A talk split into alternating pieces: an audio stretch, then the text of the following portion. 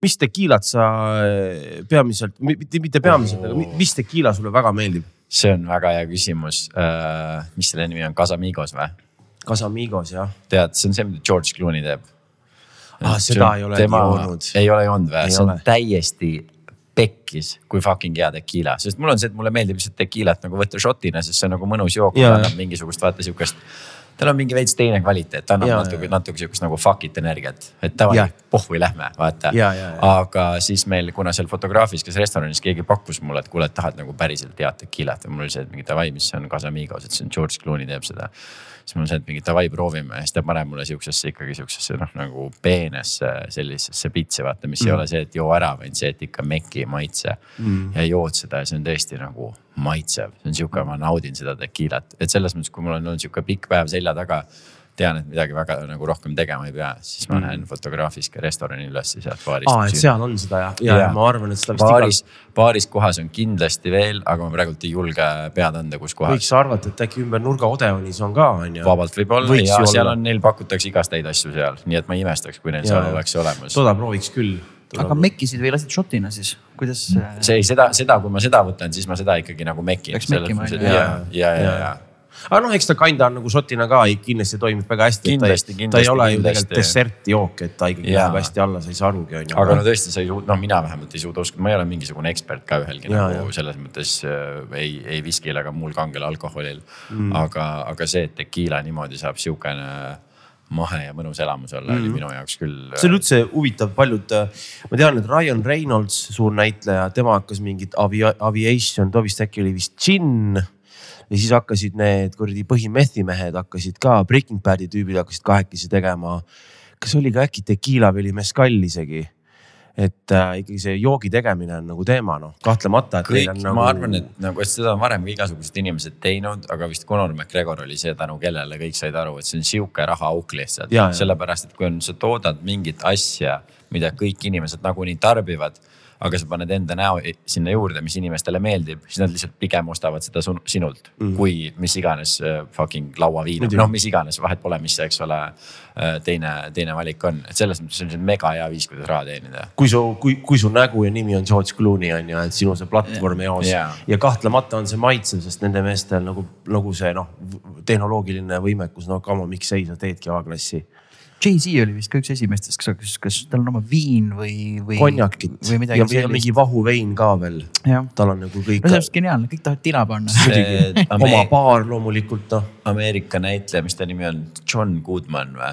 on või? see, kes mängis Blues Brothers ites ja kõik, noh legendaarne komöödianäitleja, tema teeb oma viina ju uh.... kas tema tegi viina, Roganis rääkisid sellest, ta kogu aeg toob. ja, ja, sest selle viina nimi on tal mingi Crystal Skull või mingisugune, tal on siukse mingi retsi, retsi nimega viin. absoluutselt. ja, ja. ja sellega ma arvan, ongi lõpuks huvitav see, et noh, seal mõned tüübid, ma arvan, hardcore joogimehed selles mõttes, et oh valingi selle välja ja ma arvan, et mingid pool tüübid on sellised, et mingi turundaja tuleb, et kuule, mul on siin mingi jook, kas sa paneksid oma näo ja promo peale, maksame sulle tõš nagu mm. miljoneid on ju, et mm. aga noh seda enam on ägedam, kui keegi, kes on hingega ka nagu asja juures ja kes võib-olla oskab seda jooki ka ise nagu mm. hinnata. ja loomulikult äh, Mr kuradi McGregoril on ju viski, Proper -hmm. Twelve on nimi mm -hmm.. noh, ma arvan, see on üsna proper viski ilmselt nagu, mida ta joob ja käib ja noh, ise ka vaata joob mm -hmm. vaata alkoholi, et. et seda enam nagu, et, et kui sa oled tennisemängija ja teed joogi, siis võiks nagu teha, aga ma ise kinda nagu ei joo, siis võib-olla ta natuke jääb nagu fake'iks on ju ja selles mõttes see näitab ka tema seda nagu turundusvõimet, et sa oled sportlane tegelikult, kelle, eks ole, kogu imidž on üles ehitatud ja. sellele, et ma olen tervislik ja ma olen tugev ja ma hoian ennast selle mm. jaoks, et ma saaks teisi nokki lüüa. Ja. siis sa müüd kõige retsimat alkohoolset jooki üldse, sest sa oled sihuke pahaperse lihtsalt, et sul on nagu pohhui. ta võiks ka, ta võiks, võiks hakata ka, mina ei tea, Fentat nagu mingisugune McGregori, McGregori Fenta Proper proper meth sellist. kuule, kas me räägime natuke haridusfoorumist? Davai, let's go. Äh, ma natuke pidin research'i tegema nagu rohkem äh, ja ma leidsin, äh, et sa oled osalenud haridusfoorumis ja siis mul oli nii, et oo oh, väga lahe, väga huvitav, sest sinu see mingisugune teadlikkus ja intelligents nagu lööb välja igal pool läbi komedi ka, aga ma mõtlen, kui rääkida nagu päriselt, et mis sa nagu, et mis sa seal nagu selles mõttes tegid või, või, või, või kas sa kuidagi noh, kuidas sa nagu sellega seotud olid või miks sa seal seda kõnet pidasid või, või üldse nagu laiemalt rääkida? väga hea küsimus äh, ja mis see oli siis kaks tuhat kakskümmend või kakskümmend üks aasta Eesti Haridusfoorumis oli siis kahekümne viies suurkogu. Äh, enne seda, kui see neil toimus, siis äh, nad teevad erinevaid workshop'e nagu leading up sellele, et kui see päris asi toimub ja siis minult lihtsalt küsiti siis minu vanaema poolt, kes on väga hinnatud pedagoog. et kas ma tahaksin tulla lihtsalt ühele workshop'ile osalema Äh, kus siis tehakse, kus on, sul on õpilased, sul on õpetajad, sul on lapsevanemad, sul on nagu erinevad nii-öelda inimgrupid mm -hmm. ja teevad erinevaid mingeid siukseid huvitavaid workshop'e. ma ei oska neid äh, väga hästi kirjeldada, aga põhimõtteliselt proovivad leida lahendusi mingitele erinevatele hariduses olevatele probleemidele, aga siis see, et sul oleks olemas iga külje nagu perspektiiv mm -hmm. õpetajatelt, õpilastelt, lastevanematelt. samas kõik nad on seal kohal, on ju. just täpselt, aga, aga siis nagu vahetatakse erinevaid gruppe, proovitakse mingitele asjadele lahendust leida, siis vaadatakse, kas jõutakse sellega kuskile välja ja mina olen lihtsalt üks paljudest inimestest, kes oli seal õpilasena.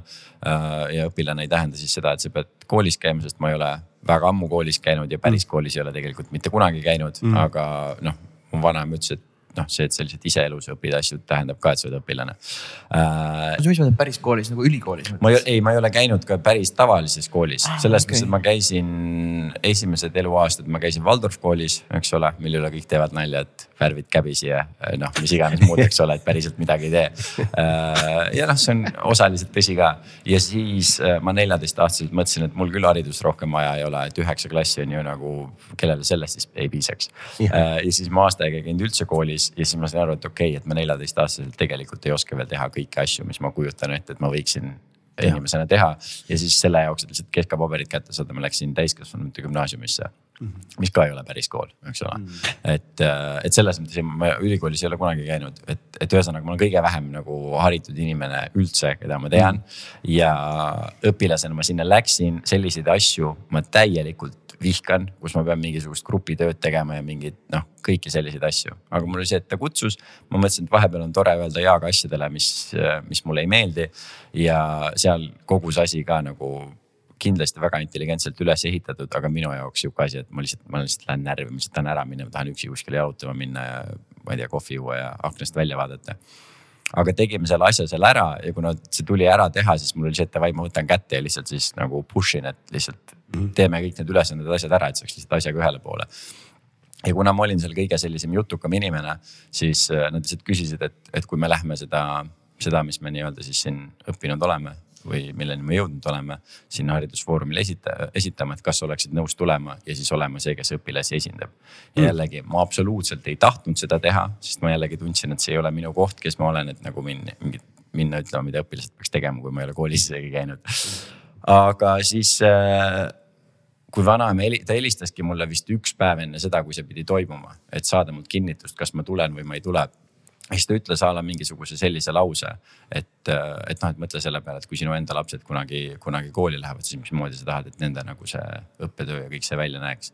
ja see oli see asi, mis pani mul kuklas mingisuguse asja tööle, et okei okay,, missuguses koolis ma tahaksin, et minu laps äh, käiks. ja siis ma mingisuguse paarikümne minutiga kirjutasin selle kõne valmis ja siis mõtlesin, et okei okay,, et ma siis lähen ja räägin. see kõne on Instagramis, ma lugesin seda ja ja see, et sa tõmbad seal vanadest Kreeka äh, filosoofidest paralleele, mainides äh, kõike seda sellist äh, tsivilisatsiooni ja mingit hariduskulgu kuni tänapäevani ja kuidas me oleme ja teeme, siis ma ütlen, et see on, mul on, et vau. et sellest ma nagu tahtsingi nagu küsida, et nagu väga huvitav, et selles mõttes, et isegi nüüd see, et sa valgustad, et okei okay,, et sul see haridustee noh, ei ole võib-olla nüüd nii pikk või, või noh, ütleme sertifikaati mingile magistrikraadile või nii, aga kahtlemata mingisugune emotsionaalne pagas on sul ikkagi olnud äh, väga noorelt kuidagi väga küps või nii, et äh, nagu sa mainisid, et sul tulevad perest pedagoogid, et ilmselgelt on nagu see mingi teadlikkus seal väga väikselt kuidagi välja kujunenud, väga tugevalt jah, ma ei kujuta ette, kust see tuleb, eks on elus ütleme nii palju sitta läbi elatud ka, et mm., et küllap see sealt kõige rohkem tuleb mm. -hmm. sest ma arvan, et selle mingisuguse sita läbielamisega on see, et äh, kui teil võib ropendada siin loomulikult niimoodi. Äh, et selle sita läbielamisega on niimoodi, et äh, sa võid olla saanud elus igasuguseid teadmisi ja tegelikult mingeid asju teada, aga niikaua, kui sa ei ole olnud nagu nii pasas kohas kus see hakkab sul tilkuma läbi vere ja luude, siis nii kaua see, et see teadmine, see justkui kuskil taustal on olemas, aga sa ei rakenda seda igapäevaselt, aga sellel hetkel, kui sa oled ise mingit äh, nagu ebameeldivaid asju läbi elanud, siis kuskilt sa saad aru, et aa, tegelikult ma tean mingeid asju ja mm. tegelikult ma saan aru mingitest asjadest. aga see tulebki välja siis ainult sellel hetkel, kus sa hakkad seda igapäevaselt rakendama, sest sul on see, ma ei tea, vajalik mm. ellujäämiseks ja mulle väga meeldib see, et, et sind kutsuti just kõnelema sinu tausta tõttu või tänu sinu taustale, kuidas iganes sõnastada, et ma ise olen sama meelt, et ma olen hästi palju rääkinud ka siin podcast'is üldse aastatega jauranud. et äh, noh, mina tegin näiteks noh, näiteks äh, seksuaalõpe koolis on ju, okei okay,, tänapäeval see on palju retsim, aga põhimõtteliselt sul tuleb üks selline väga kena ja kindlasti väga hooliv ja missiooniga tädikene ja räägib, on ju, kõik itsitavad, kihistavad aga seal puudub see, see real life connection nagu, et see laste jaoks või noh, vahet pole, mis põhikooli alguses või noh, samamoodi kui me räägime droogidest on ju, et mina mäletan seda lugu Äh, enda mingisugusest põhikooli alguses, kus tädikene rääkis, et droogid on hullult halvad, on ju, siis said selle bukleti, kus oli, et ekstasi teeb seda ja mul tekitas see, et oh, ekstasi teeb seda, päris põnev, et ma tahan, kus seda saaks vaata. aga mul ei tekkinud nagu selles, noh, mitte et peaks nüüd see hirm tekkima, aga mul ei tekkinud seda ettevaatlikkust sellest, kuigi selle nii-öelda loengu mõte oli tekitada just seda ettevaatlikkust, on ju. Noh, samamoodi ma ei tea, ma kujutan ette, et kui äh, ma käisin näiteks tegemas autokooli seda lõppastme koolitust, see oli esimene kord, kus näidati mingeid pilte. aga ikkagi selliseid varjatud pilte, kuidas tüübid on ikka täiega mässa pannud, noh kiirust ületades või midagi, on ju. aga noh, ma usun, et seal peaks näitama seda, kus tüübil ongi keha pooleks ja veri ja luud. et siis on see, et kui sa nagu, noh, ma arvan, et see paneb mõtlema. no tagajärg on ju. ja, ja, ja, ja see kogemus ja mis tahangi öelda, et kui nüüd autoriteetne tüüp, kuulaja jaoks autoriteetne tüüp räägib seda, noh näiteks sina, Eiri, tuled rääkima, on ju, publik, oh, see on see äge koomik, on ju, mõtled, ah sa raisk, tal oli niimoodi, aga ikka väga intelligentne ja, ja cool ja. ja siin ta on, on ju. ja siin ta on, on ju, täpselt, et noh, mis iganes me võtame selle valdkonna, millest käiakse noortele ja lastele rääkimast. aga ma arvan, meie ühiskond ei ole veel nii julge, et võib-olla ka sellised prominentsemad inimesed julgeks nagu minna rääkima ja noh, mina ei olnud mingi kuulsus on ju, mul oli kunagi kanepiga läks pigem nagu halvasti, on ju võiks vabalt seda lugu rääkida, kui keegi küsiks on ju, rääkida, et noh, et oli nii, oli lõbus, oli ka ülipekkis, on ju. et võib-olla see siis mõjuks, ma ei tea, näiteks noortele trummaritele, et okei okay,, korraks võtame selle mõttekoha, on ju, et kui kaugele me võib-olla nagu testime või teeme, sest noh, selle tüübiga juhtus vaata nii. aga kui sul räägib nagu inimene, kellel nagu kontekst puudub, siis sa oled nagu, mis tema teab, vaata ja nagu, kus ma seda kuradi weed'i saan, vaata, andke aga mm. peale, vaata mm.. mis on ühtpidi okei okay., noh jällegi. ei, ma ei, ma ei, ma ei, ma ei, noh, ma ei võta seisukohta, ma lihtsalt ütlen mm., et nagu noh, sul peaks olema ka esindatud nagu mõlemad, mõlemad pooled on ju noh, et, et selles mõttes, et see on iga inimese enda otsus lõpuks otsustada mis mm. ja kuidas talle toimib või ei toimi. see, mis sa mainisid nende droogide kohta ja see, mismoodi hirmutamistööd lastele tehakse nendega. mina arvan ja ma mingite mõtetega ma kohe tunnistan üles ka paljude inimeste jaoks see, mis ma ütlen, kõlab lihtsalt nagu mingi idiootne tiip blu-blu-blu-blu jutt. aga sellel ajal, kui sa rääkisid, mul tuleb pähe selline mõte, et kui sulle räägib äh, keegi, kes peaks olema autoriteet mingisuguse asja ohtudest olgu selleks narkootikumid, olgu selleks, ma ei tea, arvutimängud, seks, mis iganes muu asi. siis meil on bioloogiasse sisse kodeeritud selline asi, et kui tema tegelikult ei tea, millest ta räägib, ta lihtsalt arvab, et ta peaks nagu niimoodi ütlema, siis tema hääletoonis, tema kehaolekus või kasvõi selles bukletis, mis ta sulle annab, mis on selle energiaga kirjutatud, siis laps, noor kasvav hing või ka nagu täiskasvanud, teine täiskasvanud inimene, ta tunnetab selle alateadlikult ära ja see, mida tema tegelikult kuuleb, kuigi ta sellest teadlikult aru ei saa, on täpselt seesama asi, mis sina tunned, on see, et ta ei tea, mis ta räägib, ma tegelikult tahaks proovida, vaata mm., sest see ei tule päris autoriteedist ja täiesti teine asi on see päris autoriteet. sellele ma natukene selles kõnes nagu vihjasin ka, mis on see, et äh, põlisrahvaste hulgas ei ole sellisel moel äh, teismealiste mässamist oma vanemate vastu, nagu seda on meie kultuuris. Sellepärast, et kõik asjad, mida sa põliskultuuris õpid ellu, elus olemise kohta, on reaalselt elu ja surma küsimus eks ole, kui sulle õpetatakse, et sa ei lähe pimedas sinna kohta, sest seal on lõgis madu, eks ole, kes su ära tapab. siis see, sa päriselt, kui sa eksid selle vastu, siis sa oled surnud ja sa mm. ei ela piisavalt kaua, et, et seda mitte teha ehk siis kõik, mida su vanemad äh, inimesed, äh, hõimuliikmed sulle ütlevad, sellel on päris eluline äh, tagajärg taga. aga meie ühiskonnas on niimoodi, et sulle räägitakse enne, kui sa oled viieaastaseks saanud kümme tuhat reeglit, mida tohib, mida ei tohi, mis on õige, mis on vale. aga kui sa eksid ühegi nende vastu, sa ei tunne mitte mingit vastu, ainuke vastukaja, mis sa tunned, on see, et keegi karjub äkki sinu peale, mis on nagu meh, vaata lapsele see on nagu, see võib ebameeldiv olla, sa ei taha, aga sa ikka lähed ja teed uuesti. ja sellepärast arvatakse ka, see on lihtsalt üks hüpotees et miks meie süsteemis tekib see, et teismeealised hakkavad räigelt vanemate vastu mässama, on see, et kõik need asjad, mis sa ütled mulle, kuidas elu käib ma testin ja tuleb välja, et on teistpidi hoopis mm. -hmm. ei ole seda, et ma astun sinna ja siis kurat lõvi sööb mu ära, eks ole, või ma teen seda ainet ja siis pärast on nii paha. Fucking lahe oli. mul oli elu kõige lahedam õhtu mm -hmm. üldse, kui ma neid aineid tegin nagu, mida, mille kohta sa veel valetad mulle. ja sealt tekib see, et sa ei tea sittagi ja mm -hmm. siis mhm. tekib see mäss hakkab pihta, pihta, pihta, pihta, pihta. jah, ja sellepärast see kogemuse asi, see hariduse asi ka, et noh, mul on peale keskap kõik asjad pärast seda pooleli jäänud, on ju, et samamoodi mõtlen, kui ma peaks kunagi lapsed saama, ma ei oleks, et noh, et see psühholoogiline üks osa tahab öelda, et kindlasti lõpeta ära, vaata, kindlasti tee seda, et sa tahaks neid käske hakata jagama.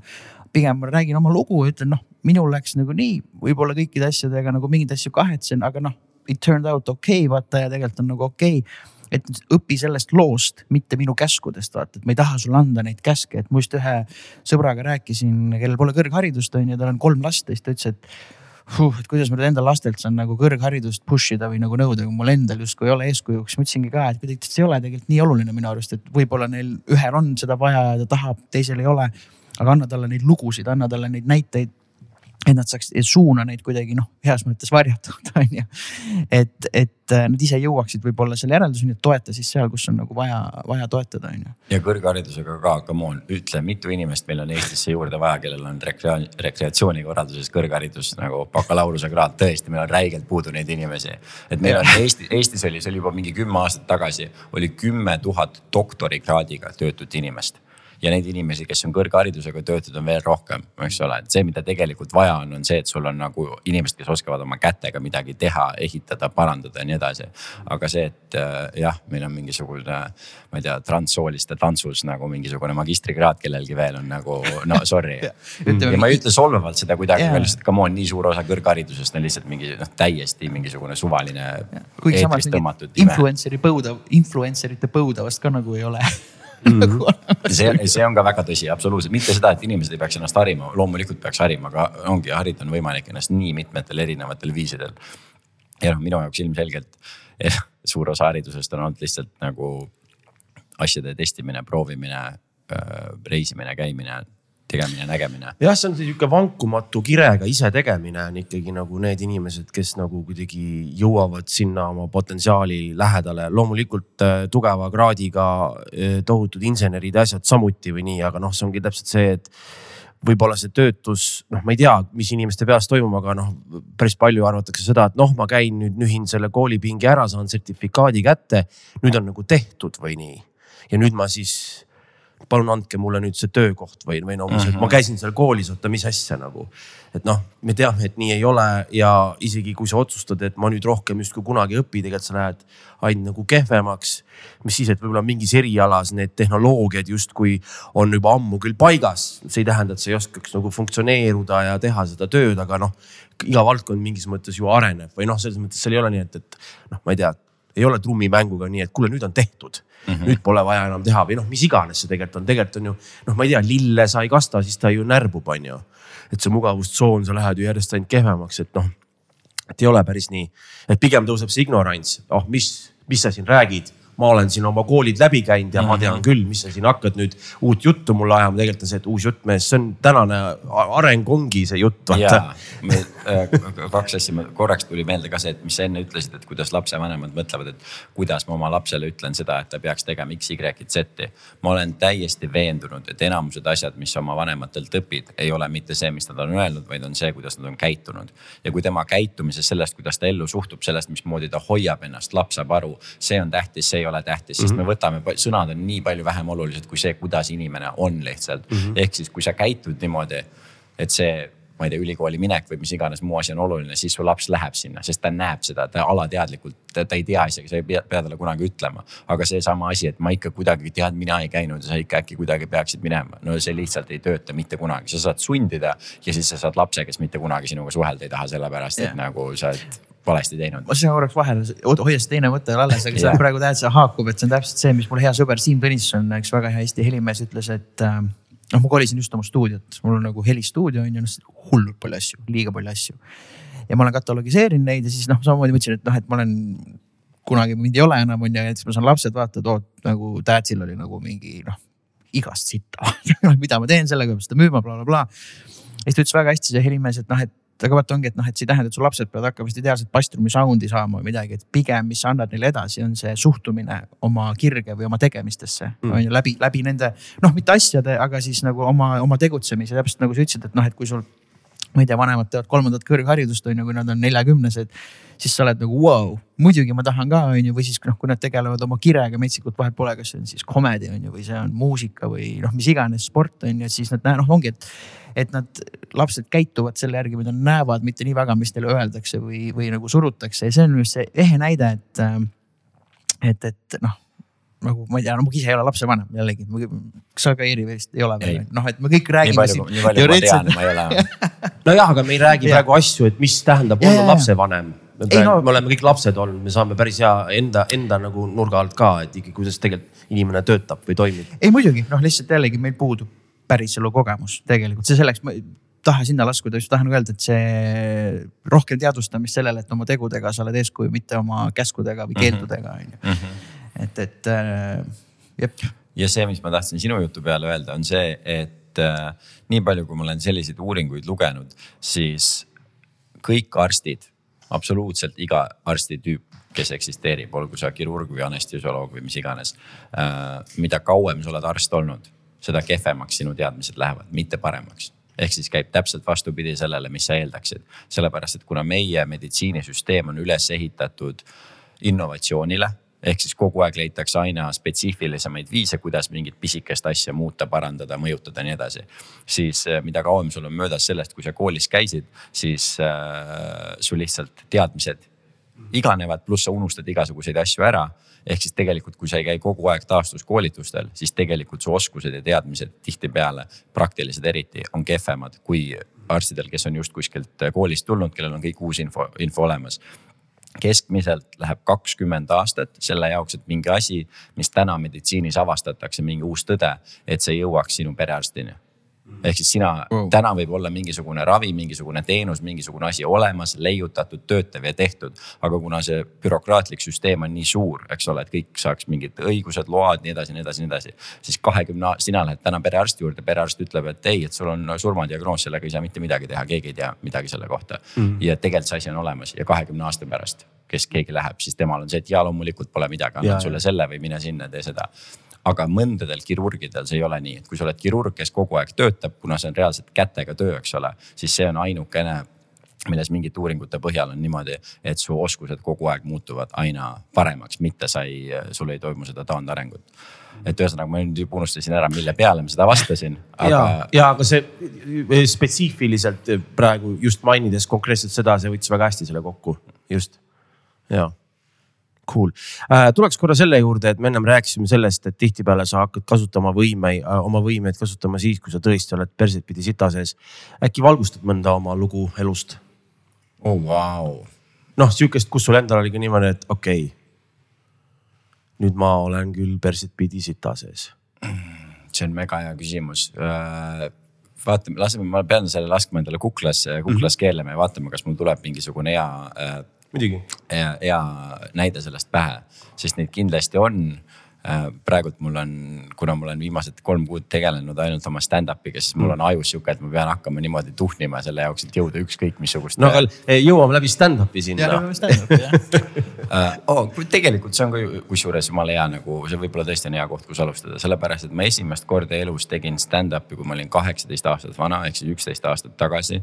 kui ma kolisin New Yorki kaheksateist aastaselt ja lihtsalt tekib sihuke tunne, et seal Eestis sellel ajal stand-up'i skeenet ei eksisteerinud absoluutselt absoluutselt mm. -hmm. ja võib-olla kaks tuhat üksteist aastal juba Andrus Purde oli paar korda sihukest asja nagu komeediaklubi korraldanud, kui ta kutsus Inglismaalt erinevaid koomikuid. kaks tuhat kaksteist ma mäletan, tegi seda kindlasti juba, kaks tuhat üksteist ma ei ole kindel. aga ühesõnaga skeenet ei eksisteerinud, sihukest mm. asja nagu Eesti koomik, keegi ei teadnud, mida sihuke sõna isegi tähendab. aga New Yorgis oli noh, eksisteerinud see kuuskümmend, viiskümmend aastat selleks ajaks juba ja ma mõtlesin, et suva läheks prooviks, eks ole, et ma olen terve elu kloun olnud ja klassis kõiki naerma jäänud ja meeldib mm. pulli teha ja nii edasi. ja läksin seal lavale kaheksateist aastaselt. ja enne olin hullult enesekindel, kõik seal oli meeleolu nii hea, teised koomikud olid nii viisakad, see koha omanik ja host, kõik oli sihuke mega-mega mõnus lihtsalt ja mul täpselt sihuke tunne, et perfektne koht, kus esimest korda stand-up'i teha. siis lähen lavale, hakkan rääkima ja siis kuulen nagu seinakajast iseenda häält mida mm. ma ei olnud harjunud kuulma mm. ja see lõi mul lihtsalt no sita nii vedelaks. et ma suutsin veel nagu mingisugune kaks-kolm lauset öelda ja ma lihtsalt noh, käsi hakkas niimoodi värisema, et ma lihtsalt nagu panin selle mikri ära ja läksin lavalt maha. ja see kogemus oli minu jaoks nii fucking hirmutav, sest ma jällegi, ma väga noh, sa vaatad mulle peale, sa saad aru, ma olen väga pinnapealne inimene. mulle väga meeldib nagu, mulle meeldib silma paista, mulle meeldib tähelepanu keskpunktis olla, mulle meeldib kõik see ja mulle meeldib esineda. aga mulle meeldib seda teha niimoodi, et et äh, kuidas ma ütlen, et see ei ole alandav minu enda jaoks, eks ole, mulle nagu võimalikult lihtsal viisil ja ma olen ka noh, lapsest saati tegelenud näitlemisega, igasuguste muude nagu noh, esinemise vormidega, ütleme niimoodi. ja see stand-up'i asi lihtsalt proovisin, mõtle, kujutasin ette, et oleks lahe ja see oli nii fucking hirmutav mm, -hmm. et ma mõtlesin, et nagu vau wow, ei, ma parem teen neid asju, mis ma enne olin mõelnud, et nagu mm. head lihtsad on nagu näitlemine ja nii edasi um, ja see üks kogemus oli nii hirmutav, et mul läks pärast seda, ütleme kuus või seitse aastat enne kui, et ma julgeksin uuesti lavale astuda. Äh, sest siis, kui ma tulin Eestisse tagasi, siis oli see skeene juba vaikselt käima lükatud. Äh, Purda tegi komeediklubi, Comedy Estonia oli alustatud ja mina lihtsalt mõtlesin, et okei okay,, et seda, et ma New Yorgis niimoodi täiesti võõraste inimeste ees pommin ma suudan selle üle elada, nad ei tea mind, nad ei näe mind enam kunagi, keda huvitab, eks ole, vastik mm. oli, aga mis siis. aga see, et ma eestlaste ees läheksin lavale, peaksin sama asja üle elama ja siis nagu öö, vaikselt nagu hakkama seda kasvatama ja uuesti, uuesti, uuesti et ma lihtsalt ei ole selleks võimeline. et nii palju parem on lihtsalt teha nagu noh, neid selliseid lihtsamaid pinnapealsemaid asju, et isegi kui sa, ma ei tea, näitlejana oled, vahet pole seriaalis, laval, filmis, mis iganes keegi ei näe seda, kui sul sitasti läheb või noh, isegi kui võttemeeskond näeb, siis tehakse uus võte, eks ole, pluss seal on kõik teised inimesed, pluss sa saad alati süüdistada seda, et keegi kirjutas sita teksti, mul ei mängitud piisavalt hästi vastu, režissöör oli munn, eks ole, noh, mis iganes, vaata, sul on nii palju vaba, vabandusi yeah. aga, aga stand-up'iga ei ole. ühesõnaga, ma olen kõiki neid teisi asju ka teinud terve oma elu ja kogu aeg lihtsalt sellest stand-up'ist hoidunud eemale, kuigi ma hakkasin vaikselt seda siis Austraalias kaks tuhat seitseteist jälle tegema, kui ma seal elasin aga oligi see, et ma kogu aeg lootsin ja unistasin, et mul nende teiste asjadega läheb piisavalt hästi. mitte isegi väga pingutades, et läheks nendega hästi mm., aga lihtsalt lootsin, et äh, see andis mulle ka selle vabaduse sellest stand-up'ist nagu eemale hoida mm. -hmm. aga, aga sellel hetkel, kus sa saad aru, et isegi kui nende teiste asjadega läheks hästi, siis selles stand-up'is on ikkagi midagi mis annab sulle sellise kaifi, mida ükski teine asi mm. ei anna, siis see on ainult sinu tehtud, see on ainult sinu vastutus, see on ainult noh, kõik on sina mm., sina, sina, sina mm., sina, sina, sina, see on sihuke närvitest, isiksuse test, karakteritest, kõige test. et ühesõnaga nüüd ongi viimase siis äh, viie aasta jooksul ma olen seda ainult hakanud aina tihemini, tihemini, tihemini äh, tegema ja nii hästi aru saanud sellest, et kaheksateistaastaselt ma olin piisavalt noor ja piisavalt loll, et mu intu-, intuitsioon ütles mulle, et see on see, mis sa peaks tegema, mine ja tee. aga ego sai lihtsalt täielikult võitu, oli see, et hui alandangi ennast enam niimoodi, ei lähe ja ei tee mm. ja noh, ja siis tegelesin lihtsalt kõikide muude asjadega, mitte et see ei oleks nõme olnud, oli ka väga tore, aga tegelikult nüüd, mida rohkem ma seda teen, mida paremaks ma sellest saan, siis kogu aeg saan aru, et mm, tegelikult ma oleks pidanud seda juba siis edasi tegema, aga lihtsalt ei olnud seda mm. julgust ja see on noh, on võib-olla väga ümmargusel viisil lähebki sellesama asjaga kokku. et, et tegelikult mingisugune oskus on olemas, mingisugune võime on olemas, aga lihtsalt liiga mugav on. ja see on see, et fuck it, miks ma peaksin seda kasutama hakkama, ma ei taha ennast panna ebamugavasse olukorda. aga see oli väga hea eh, seeme, et sa seda tegid, sest tegelikult see on see, et eh, see ebamugavus ütles, et see ongi see, mida sa tegema pead, see ei oma tähtsust, et sa nüüd mingid aastad ei teinud. Sest äh, tegelikult on see, et kui nüüd mõelda, siis see stand-up on noh, nagu sa just ütlesid, sa oled ise seal, tegelikult ongi üks väga hea tööriist jõuda iseendale lähemale, saada iseendaga päriselt sõbraks. sest me kõik teame väga hästi seda, kui me kuuleme iseenda häält või vaatame peeglisse ja tahaks iseenda eest ära põgeneda, mitte kedagi teist ruumis ei ole, üksi oled ruumis, tahaks plehku panna. noh, see tähendab seda endasse vaatamine on ju, et komedi on nagu vägagi sihuke hea, hea tööriist tegelikult jõuda endale lähemale ja nüüd sa oled seda teinud ja teinud, et selles mõttes noh, ongi, et. et lihtsaid asju ja mugavaid on jube hea lihtne teha on ju, sellepärast me ütleme, et nad lihtsad on, et selles mõttes on nagu on ainult nagu äge, et sellepärast see stand-up on nagu enamat kui ainult nagu äh, see teistele serveerimine, eks ole, et kõigepealt sa pead iseendale nagu vaatama, nii et kurat, päris okei okay on, davai, lähme kuradi neilime, on ju et.... ja väga äge, kui sa kuus-seitse aastat pausi tegid ja jõudsid selle juurde tagasi, siis ju sa siis peadki nagu no, just. tegema, et see on, see on, see ma arvan isegi mina, mina võttes kõige võimsam nagu story siit. siis mina mäletan ise trummarina, kui ma mingi aeg olin tegelikult nagu professionaalsel tasandil tööd teinud, aga ma olin juba mingi kakskümmend seitse või neli aastat teinud, ma ikka hullult kahtlesin, ma olin, kurat, ma ei tea, äkki läks ülikooli kogu aeg oli see äkki peaks, äkki peaks midagi muud tegema nagu. ja siis mingi ei mäleta, ma istusin köögis kodus mingi, ma ei tea, mingi pühapäeva hommik mõtlesin, et fuck it, ma olen siis trummar ja ülikõva on ja siis sel hetkel, kui ma nagu iseendaga selle rahu leppisin, siis läks nagu mm. kõik läks palju lihtsamaks järsku, kuigi see oli noh, mingi hommikukohvi kõrvale mingi mõttekõlks, noh, et see on mingi rets emotsionaalne nagu üleelamine, aga sa jõuad vaata oma kire juurde selle nagu tagasi alati, et see on see kuusteist, see on, see on mega äge lugu, noh et mm. sa ei saa põgeneda oma kire eest. Nagu alistumine, alistumine tunnetele, aktsepteerida neid ja, ja. enda hirme mm -hmm. ja kõik äh, lahustub ja oled kahe jalaga sees ja, ja. ongi see on mul lihtsalt, äh, lihtsalt random lugu, mul lihtsalt äh, üks väga hea sõber, Eerik Kammiste, väga äge Eesti kitarrist. Äh, see on natuke teemast, mis mind üllatas, oli see, et ta on rets jalkafänn, noh ta jälgib kõiki Premier League'i, kõiki asju, mängib hullult hästi Fifat, kõik asjad ma olen tundnud teda mingi viisteist aastat ja nüüd see suvi me esimest korda nagu sattusime palli kõksima ja ma avastasin, et ta ei oska ise üldse jalkat mängida. noh nagu varbaga eos kuradi peaaegu aknad sisse vaata hästi, siis ma olin et noh, saidki aru, et tema kirg ongi see jälgimine ja see nagu noh, vaatamine, selles mõttes talle meeldis kõksida, aga noh, ta ise ütles ka, et tegelikult nagu ta nagu saab vaevu pallile pihta vaata, siis ma ütlesin täitsa pekkis, kui suur force on tal see nagu jalkafännlus vaata lihtsalt mm. noh, et, et äh, noh, jällegi sa ei saa vältida seda, ma arvan, see on kusjuures ka väga hea point selles mõttes, et nii tihti inimesed ei suuda vaata vahet teha sellel et sa fännad millegi vaatamist, jälgimist, millegi üle mõtlemist versus see, et seda ise teha mm. -hmm. ja need on räigelt erinevad asjad, sest raudselt on ka noh stand-up skeenes ka need, kes käivad open mic idel, vahet pole, mis riigis. siis on mingid inimesed, keda sa näed, kes on nagu, kes käivad absoluutselt igal fucking äh, mm. mic'il kohal, iga päev nagu nad on, nad on kohal, nad kuulevad täpselt samu nalju kümneid, kümneid kordi, nad on ikka kohal, neile lihtsalt nii väga meeldib mm.. ja siis vahepeal nad mõtlevad, et äkki peaks ise ka tegema ja nad on täiesti kohutavad. no nad on nagu, nad on lihtsalt täiesti kohutavad, kohutavad, kohutavad, kohutavad ja ongi noh, ma ei tea, mida mulle, mulle meeldib kuradi fucking, ma ei tea, Jaapani filme vaadata, eks ole mm., see ei tähenda, et me peaks samuraiks hakkama. noh, et see on, et see on vaata täpselt selline asi, et ma tõesti fänn on tõesti nagu visuaalid nii ilusad, nii vägev, see mingisugune koodeks, mis neil on ja mingisugune ainult au järgi elamine. kõik asi jumala lahe. kas see mm. tähendab, et ma peaks nüüd ka endale selle patsi tegema yeah, eest kiilaks, noh, et see on just. nii kaks väga erinevat just. asja äh,. aga New York äh,, mis sa muidu New Yorgis tegid või see ajend sinna minna? Jällegi äh, tugev, tugev, tugev pinnapealsus, äh, ego, egomaniakaalsus äh, mm. neljateistaastasest saadik umbes mul tekkis lihtsalt sihukene, sihukene soov, et ma, ma päris täpselt ei teadnud, mis ma tahan teha, ma teadsin, et ma tahan midagi nagu filmindusega seonduvat teha oma eluga. ja kuna ma siis veel ei uskunud, et ma viitsiks režissöör olla või lavastada asju, siis ma mõtlesin, no siis tuleb näitleja olla Eestis päris näitleja olla võimatu, minu jaoks noh, tundub nagu mingisugune konnatiik, eks ole, Ameerikas, Hollywood lahe. Lähen Hollywoodi, saan maailma kõige kuulsamaks näitlejaks, lihtne, eks ole. kolm-neli ja, ja siis ma kõigepealt mõtlesin, kõigepealt ma olin kuusteist, kui mul oli raha nagu piisavalt palju, et ma oleks saanud lennu, lennupileti osta. ja põhimõtteliselt olin nagu kotiga kokku pakkinud.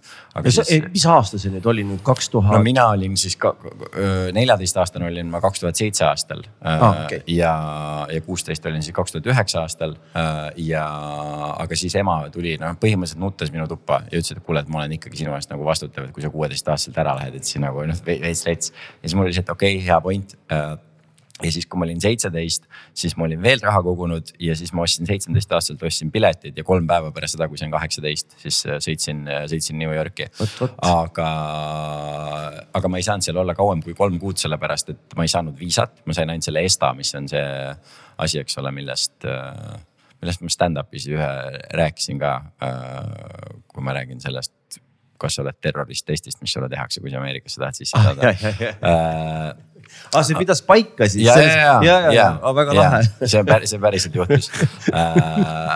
aga, aga ühesõnaga, et ma sain seal kolm kuud olla ja ma tahtsingi, ma tahtsin, mõtlesin, et ma lähen ja proovin lihtsalt nagu näidelda ja ma mingites ka mingites ühes veebiseriaalis olin ja üks äh, pidin olema ühes lühifilmis, mis reaalselt läks Cannes'i filmifestivalile ja no mul on üks elu kõige piinlikum lugu sellest, kuidas ma ei jõudnud sinna sellele nagu filmivõttele äh,. aga siis ma olin seal kolm kuud ja siis ma reaalselt mõtlesin seda, kuna mu see noh, jällegi ma saan aru, et ma olen sihuke veits veits segane inimene, sest äh, kui ma mingisse asja nagu usun või midagi tahan, siis mul on see, et nagu loomulikult mina suudan ja mitte keegi teine ei suuda, mis nagu, mitte et keegi teine ei suuda isegi, aga ma tean, et ma, ma raudselt suudan. nii et ma veel kaalusin seda ka, et ma lihtsalt jään illegaalselt sinna Uh, mida on mõned inimesed, üks see Austraalia räppar, mis ta nimi on, Iggy Azalea või näiteks on sihukene Austraalia tšikk uh yeah.. Iggy Azalea. jah, just, just, just. ta oli austraallane või? ta on Austraalia tšikk minu arust ja. tohoh, ma mõtlesin, ta, ta oli justkui britt. Ei, sest tema tegi täpselt seda, mida mina mõtlesin teha, mis oli see, et ta läks ka viieteist, viieteist või kuueteist aastaselt, ta läks äh, sõbrannadega Ameerikasse. ja kui neil said need, äh, see viisavaba periood sai läbi, teised mm. lendasid tagasi, ta jäi illegaalselt sinna ja, ja lihtsalt ja. fucking töötas oma töötas. mõlemad kannikad otsast ära ja sai selleks, eks ole, kes ta on. palun ja, väga. just täpselt, et see on võimalik, eks ole kui ja. sa, kui sa oled piisavalt segane peast, siis see on võimalik. aga mul oli see, et viimased nagu mul oli kõik raha otsas, viimased kaks nädalat ma sõin niimoodi, et ma sõin iga päev ühe muna ja viiskümmend grammi kaerahelbeid ja ma võtsin kahe nädalaga mingi kaheksa kilo alla või midagi sellist ja ma muidu ka, ma ei ole nagu mingisugune. Actor shape noh Boom, täpselt, aga ma olin põhimõtteliselt näljas, et nagu üks viimaseid päevi, kus ma metrooga koju sõitsin, siis äh, ma kukkusin metroos kokku, sellepärast et mm. ma olin lihtsalt noh. Äh, niimoodi ja, ja pluss on see ka, et ma elasin Äh, kuna Manhattan on fucking kallis koht mm., siis ma elasin äh, Bronxis saja seitsmekümne viiendal tänaval ja ma olin ainukene valge inimene seal. Mm.. ja ma olin kaheksateistaastane väike nunnu poiss, eks ole. Mm.. ja kui ma öösiti seal tänaval käisin, inimesed näitavad näpuga peale, ahah, white boy, white boy, sest mitte keegi ei arvanud, et ükski valge, noh nende jaoks on see, et kuidas valge inimene üldse. Nad on ise üllatunud, et sa seal oled. just, just, just, just, et seal oli ainult. aga nagu... vägivalda sinu suhtes ainult kui, ainult kui verbaalne nii palju kui.... ja, aga see ei olnud isegi, ma ütlen täpselt, minu jaoks ei olnud kuidagi isegi, see ei olnud vägivaldne, sest see ei olnud kuidagi nende jaoks, et what the fuck, mis toimub, eks ole, et keegi ei olnud kunagi nagu kuidagi õel, kuri, ebameeldiv, mitte mm. midagi mitte midagi sellist, et see oli lihtsalt tähelepanu, sest mm. sa näed noh, täpselt samamoodi nii paljud inimesed lähed kuskile Aafrikasse, Indiasse, eks ole, tulevad su juukseid katsuma või mis iganes, sul on see, et pole näinud valgeid juukseid varem või midagi sellist. aga ühesõnaga, et mul oli, et ma elasin, elasin sellises kohas, olin täiesti näljas ja siis ma mõtlesin nagu mingi fuck it, et äh, nii suur oht ja ma tean ka inimesi, endal on tuttavaid inimesi ka kes on kunagi läinud Ameerikasse illegaalselt sinna jäänud ja nüüd elanud seal viisteist, kümme, kakskümmend aastat mm. -hmm. ja nad ei saa ära tulla, sest kui nad peaks ära tulema, nad ei saa kunagi tagasi minna mm, -hmm. aga nad on seal terve elu, terve karjääri noh, mis iganes asja loonud.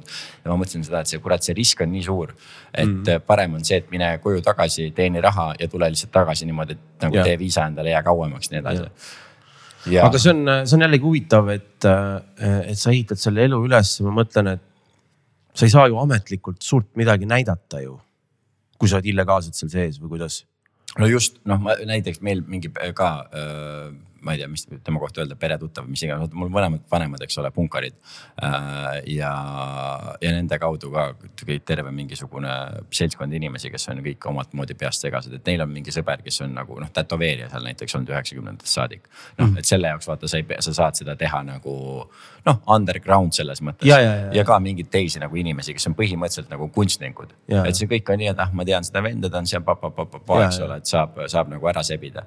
et jah, kui sa tahad midagi ametlikult teha et nagu ja. ma ei tea. no see ametlikult tähendab juba suuremaid rahasid inimesed ja kõik asjad, et ja. ütleme, et kust piirist kus iganes see eh, punane tuluke kuskil põlema läheb, et okei okay,, nüüd selle, selle, selle nime peaks välja tšekkima, kas kõik on jokk võib-olla, noh nagu ikka on ju, et aga et see... kui ma ütlen ka, et inimesed on karjäärid teinud, see on see, mis nagu nende jaoks on karjäär, et nad tahavadki elada sihukest underground elu ja olla nagu selles mm. kogukonnas ma olen tuntud ja nii edasi.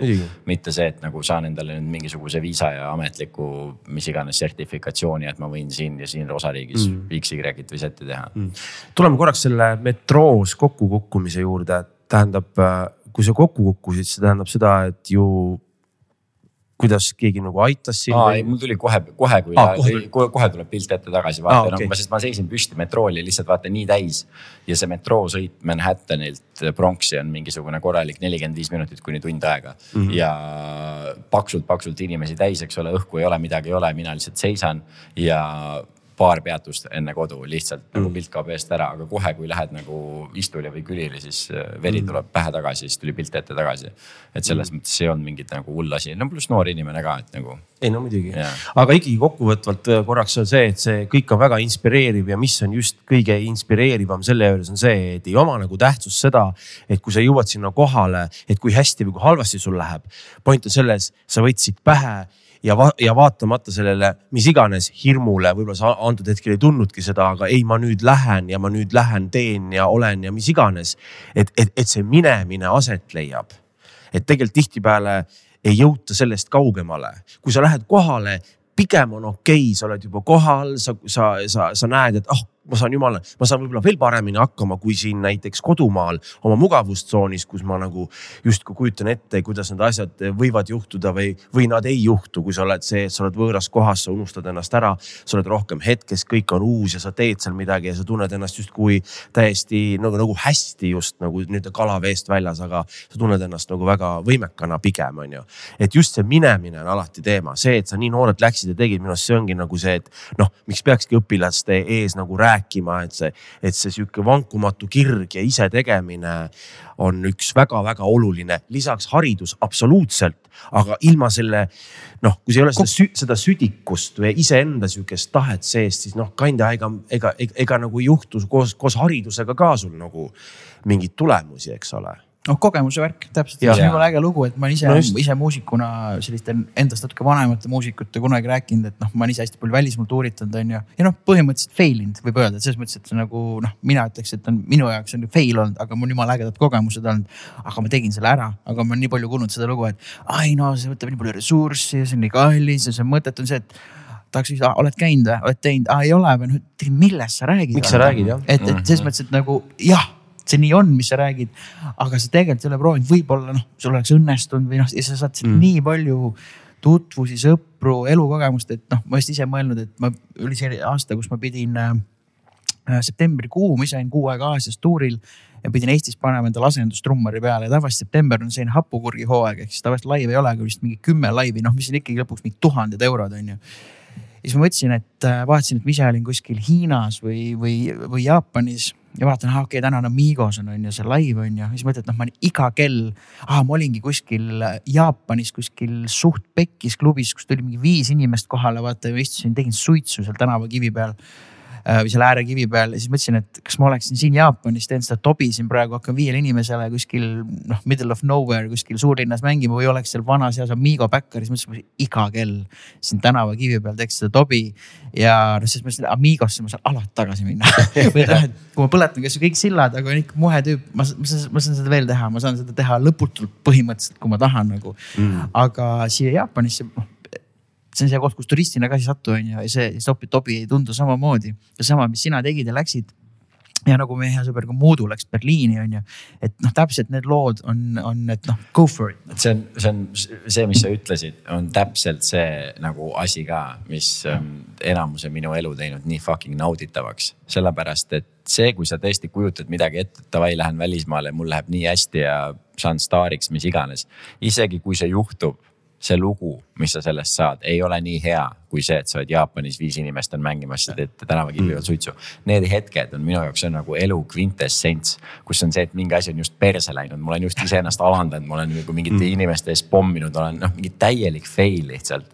ja siis täpselt samamoodi istun kuskil kuradi vihma sajab, istud kuskil pingi peal üksi mingi suure maantee ääres ja siis mõtled, et täitsa perses, mul jääb see mälestus. mul jääb see mm. mälestus igavesti, et ma olin siin kohas, ma tegin seda asja ja see lugu ja see mälestus on alati nagu nii palju äh, paremad kui see, et oh, kõik ja. läks hästi nüüd ma olen nii edukas ja vaadake, vaadake, kui, kui äge kõik on. pluss see, mis sina enne ütlesid, üks asi, millest nii paljud inimesed ei saa aru, minu arvates, on see, et on kaks väga erinevat asja, mis on see äh, instinkt, mis tuleb sul kuskil lihtsalt bioloogiast, eks ole, et mine ja tee midagi. vahet pole, kas see on välismaal, kodumaal, mis iganes see on, sul on see instinkt, et ma pean minema ja tegema ja siis on see sinu ettekujutus, mille loob lihtsalt sinu meel, eks ole, mingisugune fantaasia, et mis siis sellest võib saada noh, et sa kujutadki ette, et kui ma välismaale lähen, siis ma saan kas kuulsaks muusikuks või näitlejaks või koomikuks või mis iganes asjaks.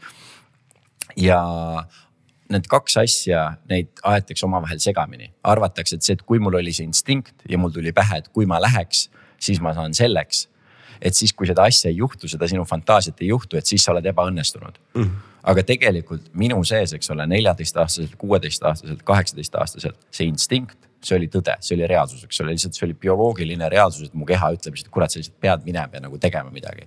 ja minu väike loll aju mõtleb sinna juurde mingi fantaasia, oo äkki kui ma lähen, siis juhtub nii või äkki kui ma lähen, siis juhtub see asi, eks ole. see ongi idiootsus, see on lihtsalt sinu suvaline fantaasia. aga see, et seda fantaasiat ei juhtu, ei tähenda seda, et see instinkt oleks vale olnud mm.. ehk siis täpselt samamoodi nagu sina ütlesid mine lihtsalt selle instinkti järgi ja lihtsalt samal ajal võib-olla ongi hea meeles hoida mm. -hmm. et see, mida sa samal ajal fantaseerid, mis saaks või võiks juhtuda, see ei pruugi juhtuda ja mm -hmm. see, et see ei juhtu, ei tähenda seda, et see tegelikult oleks fail inud sellepärast et sul on see kogemus, kus sa Jaapanis viiele inimesele ja. mängid ja. ja, ja see avab hoopis mingeid muid uksi, vahet pole, kas see on sinu enda mõtteviisis või reaalselt nii-öelda kuskil tulevikus midagi muud, et niimoodi sa nagu ehitad, sest noh, sa justkui nagu elad on ju. jah, see ongi see, et meel, eh, meel tunneb, et me lähme teadmatusse. noh, ei tea ju ja seal ongi need hirmud, teadmatus ja siis hakkabki sul, hakkabki see põhimõtteliselt see, see ahvike sul peas kuradi kraaklema ja taplema. mugavustsoonist lähed välja, enam ei ole selge, mis toimub, teadmatus. noh, väike tõde, aga see ongi see, et fucking hell, et tegelikult see ei ole isegi mitte mina see on mingi fucking suvaline mõte, et noh uh -huh ja vait unustad ära. just ja enamustel inimestel on see, eks ole, negatiivne, et sa kujutad ette kõik no,, mis võiks pahasti minna, eks ole no,. nagu ma mäletan seda, kui mu eks lõpuks nagu otsustas, et ah, et ta on nii kaua aega Eestis olnud, oma karjääri ja kõike teinud. et aeg on nagu minna pikaks ajaks Aasiasse reisima nagu mingiks aastaks või ei mäleta, kauaks ta läks. ja siis ta ema tuleb talle rääkima, oi, aga sa ju tead, seal neid vägistatakse seal naisi ja seal juhtub ju see ja tee. ja pluss on see, et sul on Aasia, eks ole, kus sul on mingi neli miljardit inimest kokku, eks mm. ole. ja siis on mingi naine, kes elab kuskil, ma ei tea, Kapa-Kohilas, eks ole, kes on lugenud kahte artiklit kuskilt äh, Pärnu Postimehest, et, et kedagi vägistati mingis Indoneesias, siis tal on see, et oi mm., tütar, ära mine. sellepärast, et täpselt samamoodi sul, aga, aga see on ikkagi su meel loob need fantaasiad, et mis siis, kui läheb pekki, mis siis, kui läheb halvasti, kõik see kohutav, mis võib, mis võib juhtuda minu aju ja jällegi ma ei tea, keda või mida ma pean tänama, mul lihtsalt on noh, ütleme siis vedanud sellega kuigi teistpidi see võib igast sitta ka kaasa tuua, on see, et väga-väga-väga äh, pikka aega minu elus ma ei olnud võimeline isegi ette kujutama, et midagi negatiivset saaks juhtuda mm.. noh, et minu jaoks ka, sest see mm. põhjus, vaata, miks ma räägin, kuidas ma lähen nii noorena täiesti üksi, kunagi ei ole käinud, midagi ei tea. on see, et minu aju genereeris ainult positiivseid asju, mis mm. saaks juhtuda mm., mitte ühtegi nagu mingit mm. hirmsat või negatiivset äh, äh, stsenaariumi. seda saab ka samamoodi harjutada. just, aga, aga samas ongi see, et vahet pole, kas see on nagu kõige ägedam asi, mis saab, võib, mis saab juhtuda, mis on täiesti idiootne mõte, et sa oled kaheksateist, lihtsalt lendad New Yorki, mis sa arvad, et kahe, kahe kuu pärast sa oled maailma kõige kuulsam näitleja või? ja täpselt samamoodi, et aa, et sa lendad Aasiasse ja sind vägistatakse ära ja su laip jäetakse kuskile tee kõrvale ja vanematele hakatakse sõrmi ja varbaid saatma. et need on mõlemad täpselt sama idiootsed fantaasiad mm, -hmm. aga üks on lihtsalt negatiivne, teine on positiivne mm. -hmm. no just, et see ongi täpselt samamoodi, et äh, äkki juhtub nii halvasti, aga äkki juhtub hoopis hästi. et noh, jälle et sa saad ise ka sellega mängida, kui sa teadvustad, et tegelikult alati see teine pool, aga mis siis, kui läheb hästi. ja, ja samas on ka see, et need mõlemad on ikkagi viisid tegelikult, kuidas sa väldid reaalsuses ja hetkes olemist mm -hmm.. ehk siis lõppude lõpuks on see, et keda kotib, kuidas läheb, sa oled praegult siin, mis ja, on järgmine samm, mis sa teed. eks ole, kuidas sa suhtled just järgmise täpselt. inimesega, keda sa kohtad, kus kohas sa lähed bussi peale, kas sa võtad selle matka, kas sa võtad selle hosteli, kas sa lähed sinna mm. -hmm. et tegele sellega, kus sa praegult oled, mitte äkki läheb nii, äkki läheb naa no,, äkki läheb nii. et sa ei saa seda välja lülitada nagunii, see mingis mõttes juhtub nagu noh, paratamatult aga vähemalt õppida seda, et ära pööra sellele nii palju tähelepanu mm., et see ei ole nagu, see ei ole nii oluline, see ei ole nii tähtis, see, mis sa käega saad parasjagu katsuda, on palju vingem. no ongi ikkagi hetke, see hetke, ütleme hetk on, ongi see elu ise on ju, et, et tõesti, et ei olegi vaja muu, muu, muud teha justkui, et vähemalt kasvõi teadvustada, et okei okay, võiks natuke rohkem siin olla laua taga mm, -hmm. ajame juttu kolmekesi ja tegelikult ei ole midagi mõelda mm. -hmm. tuleks korraks selle piinliku loo juurde ikkagi see, miks sa sinna lühifilmi esikale ei jõudnud. mitte esikale, ma ei jõudnud sellele ah, võttele ja, ja nii et ma ei ole seal filmis, kas tahate kuulda seda? ja, seda ja just, sest see võtab jälle kokku kõik, mida me nagu räägime, et kuidas nice, nagu omada. see on jällegi, et mul on elus nagu paar sellist lugu juhtunud ja sellel hetkel, kus need toimuvad, kõige kohutavam asi üldse tagantjärele. ma ei ole, saaks õnnelikum olla, et sellised asjad juhtusid äh, esimene päev, kui ma lähen mingisugusesse talendiagentuuri äh,, mind võetakse sinna vastu, öeldakse, et oo väga lahe, tead potentsiaali, kõike värki-särki on ja reaalselt, kas see oli sama päeva õhtul vist või, või järgmise päeva hommikul pakutakse, et kuule, täpselt sinusugust tüüpi on vaja mingisugusesse äh, lühifilmi äh,. et äh, arvatavasti sa midagi rääkida ei saa, võib-olla kui sul veab seda ühe või kaks, eks ole, sõna öelda, aga sinusugust tüüpi on kuskile vaja ja et Mega, kas sa oled sellel ja sellel kuupäeval olemas, äh, et saaksid minna, tegelikult oli vist ainult üks kuupäev ja mul on see mega lahe, mega tore, mega vahva. Äh, võtan vastu ja sinna on aega mõned päevad. ja siis kas ka siis samal päeval või järgmisel päeval, siis äh, helistatakse veel, öeldakse, et kas sa tahaksid lihtsalt minna taustaks mingisugusele täiesti tundmatu mustanahalise R'n'B laulja muusikavideo võttele, eks ole, et sind ei ole nagu näha, see on lihtsalt mm. suvaline taust, eks ole. mis, äh, mis artist oli, mäletad? ma ei mäleta absoluutselt, no, no mitte, mitte keegi ei ole temast mitte kunagi kuulnud, ma, ma luban seda, nii ja see. ma mõtlesin, et äkki R Kelly vaata tuleb, pissib ka kõigi peale vaata. see see ei oleks nii hull isegi olnud, see oleks äh,, aga äh, ja siis mul on see, et davai, muidugi lähen.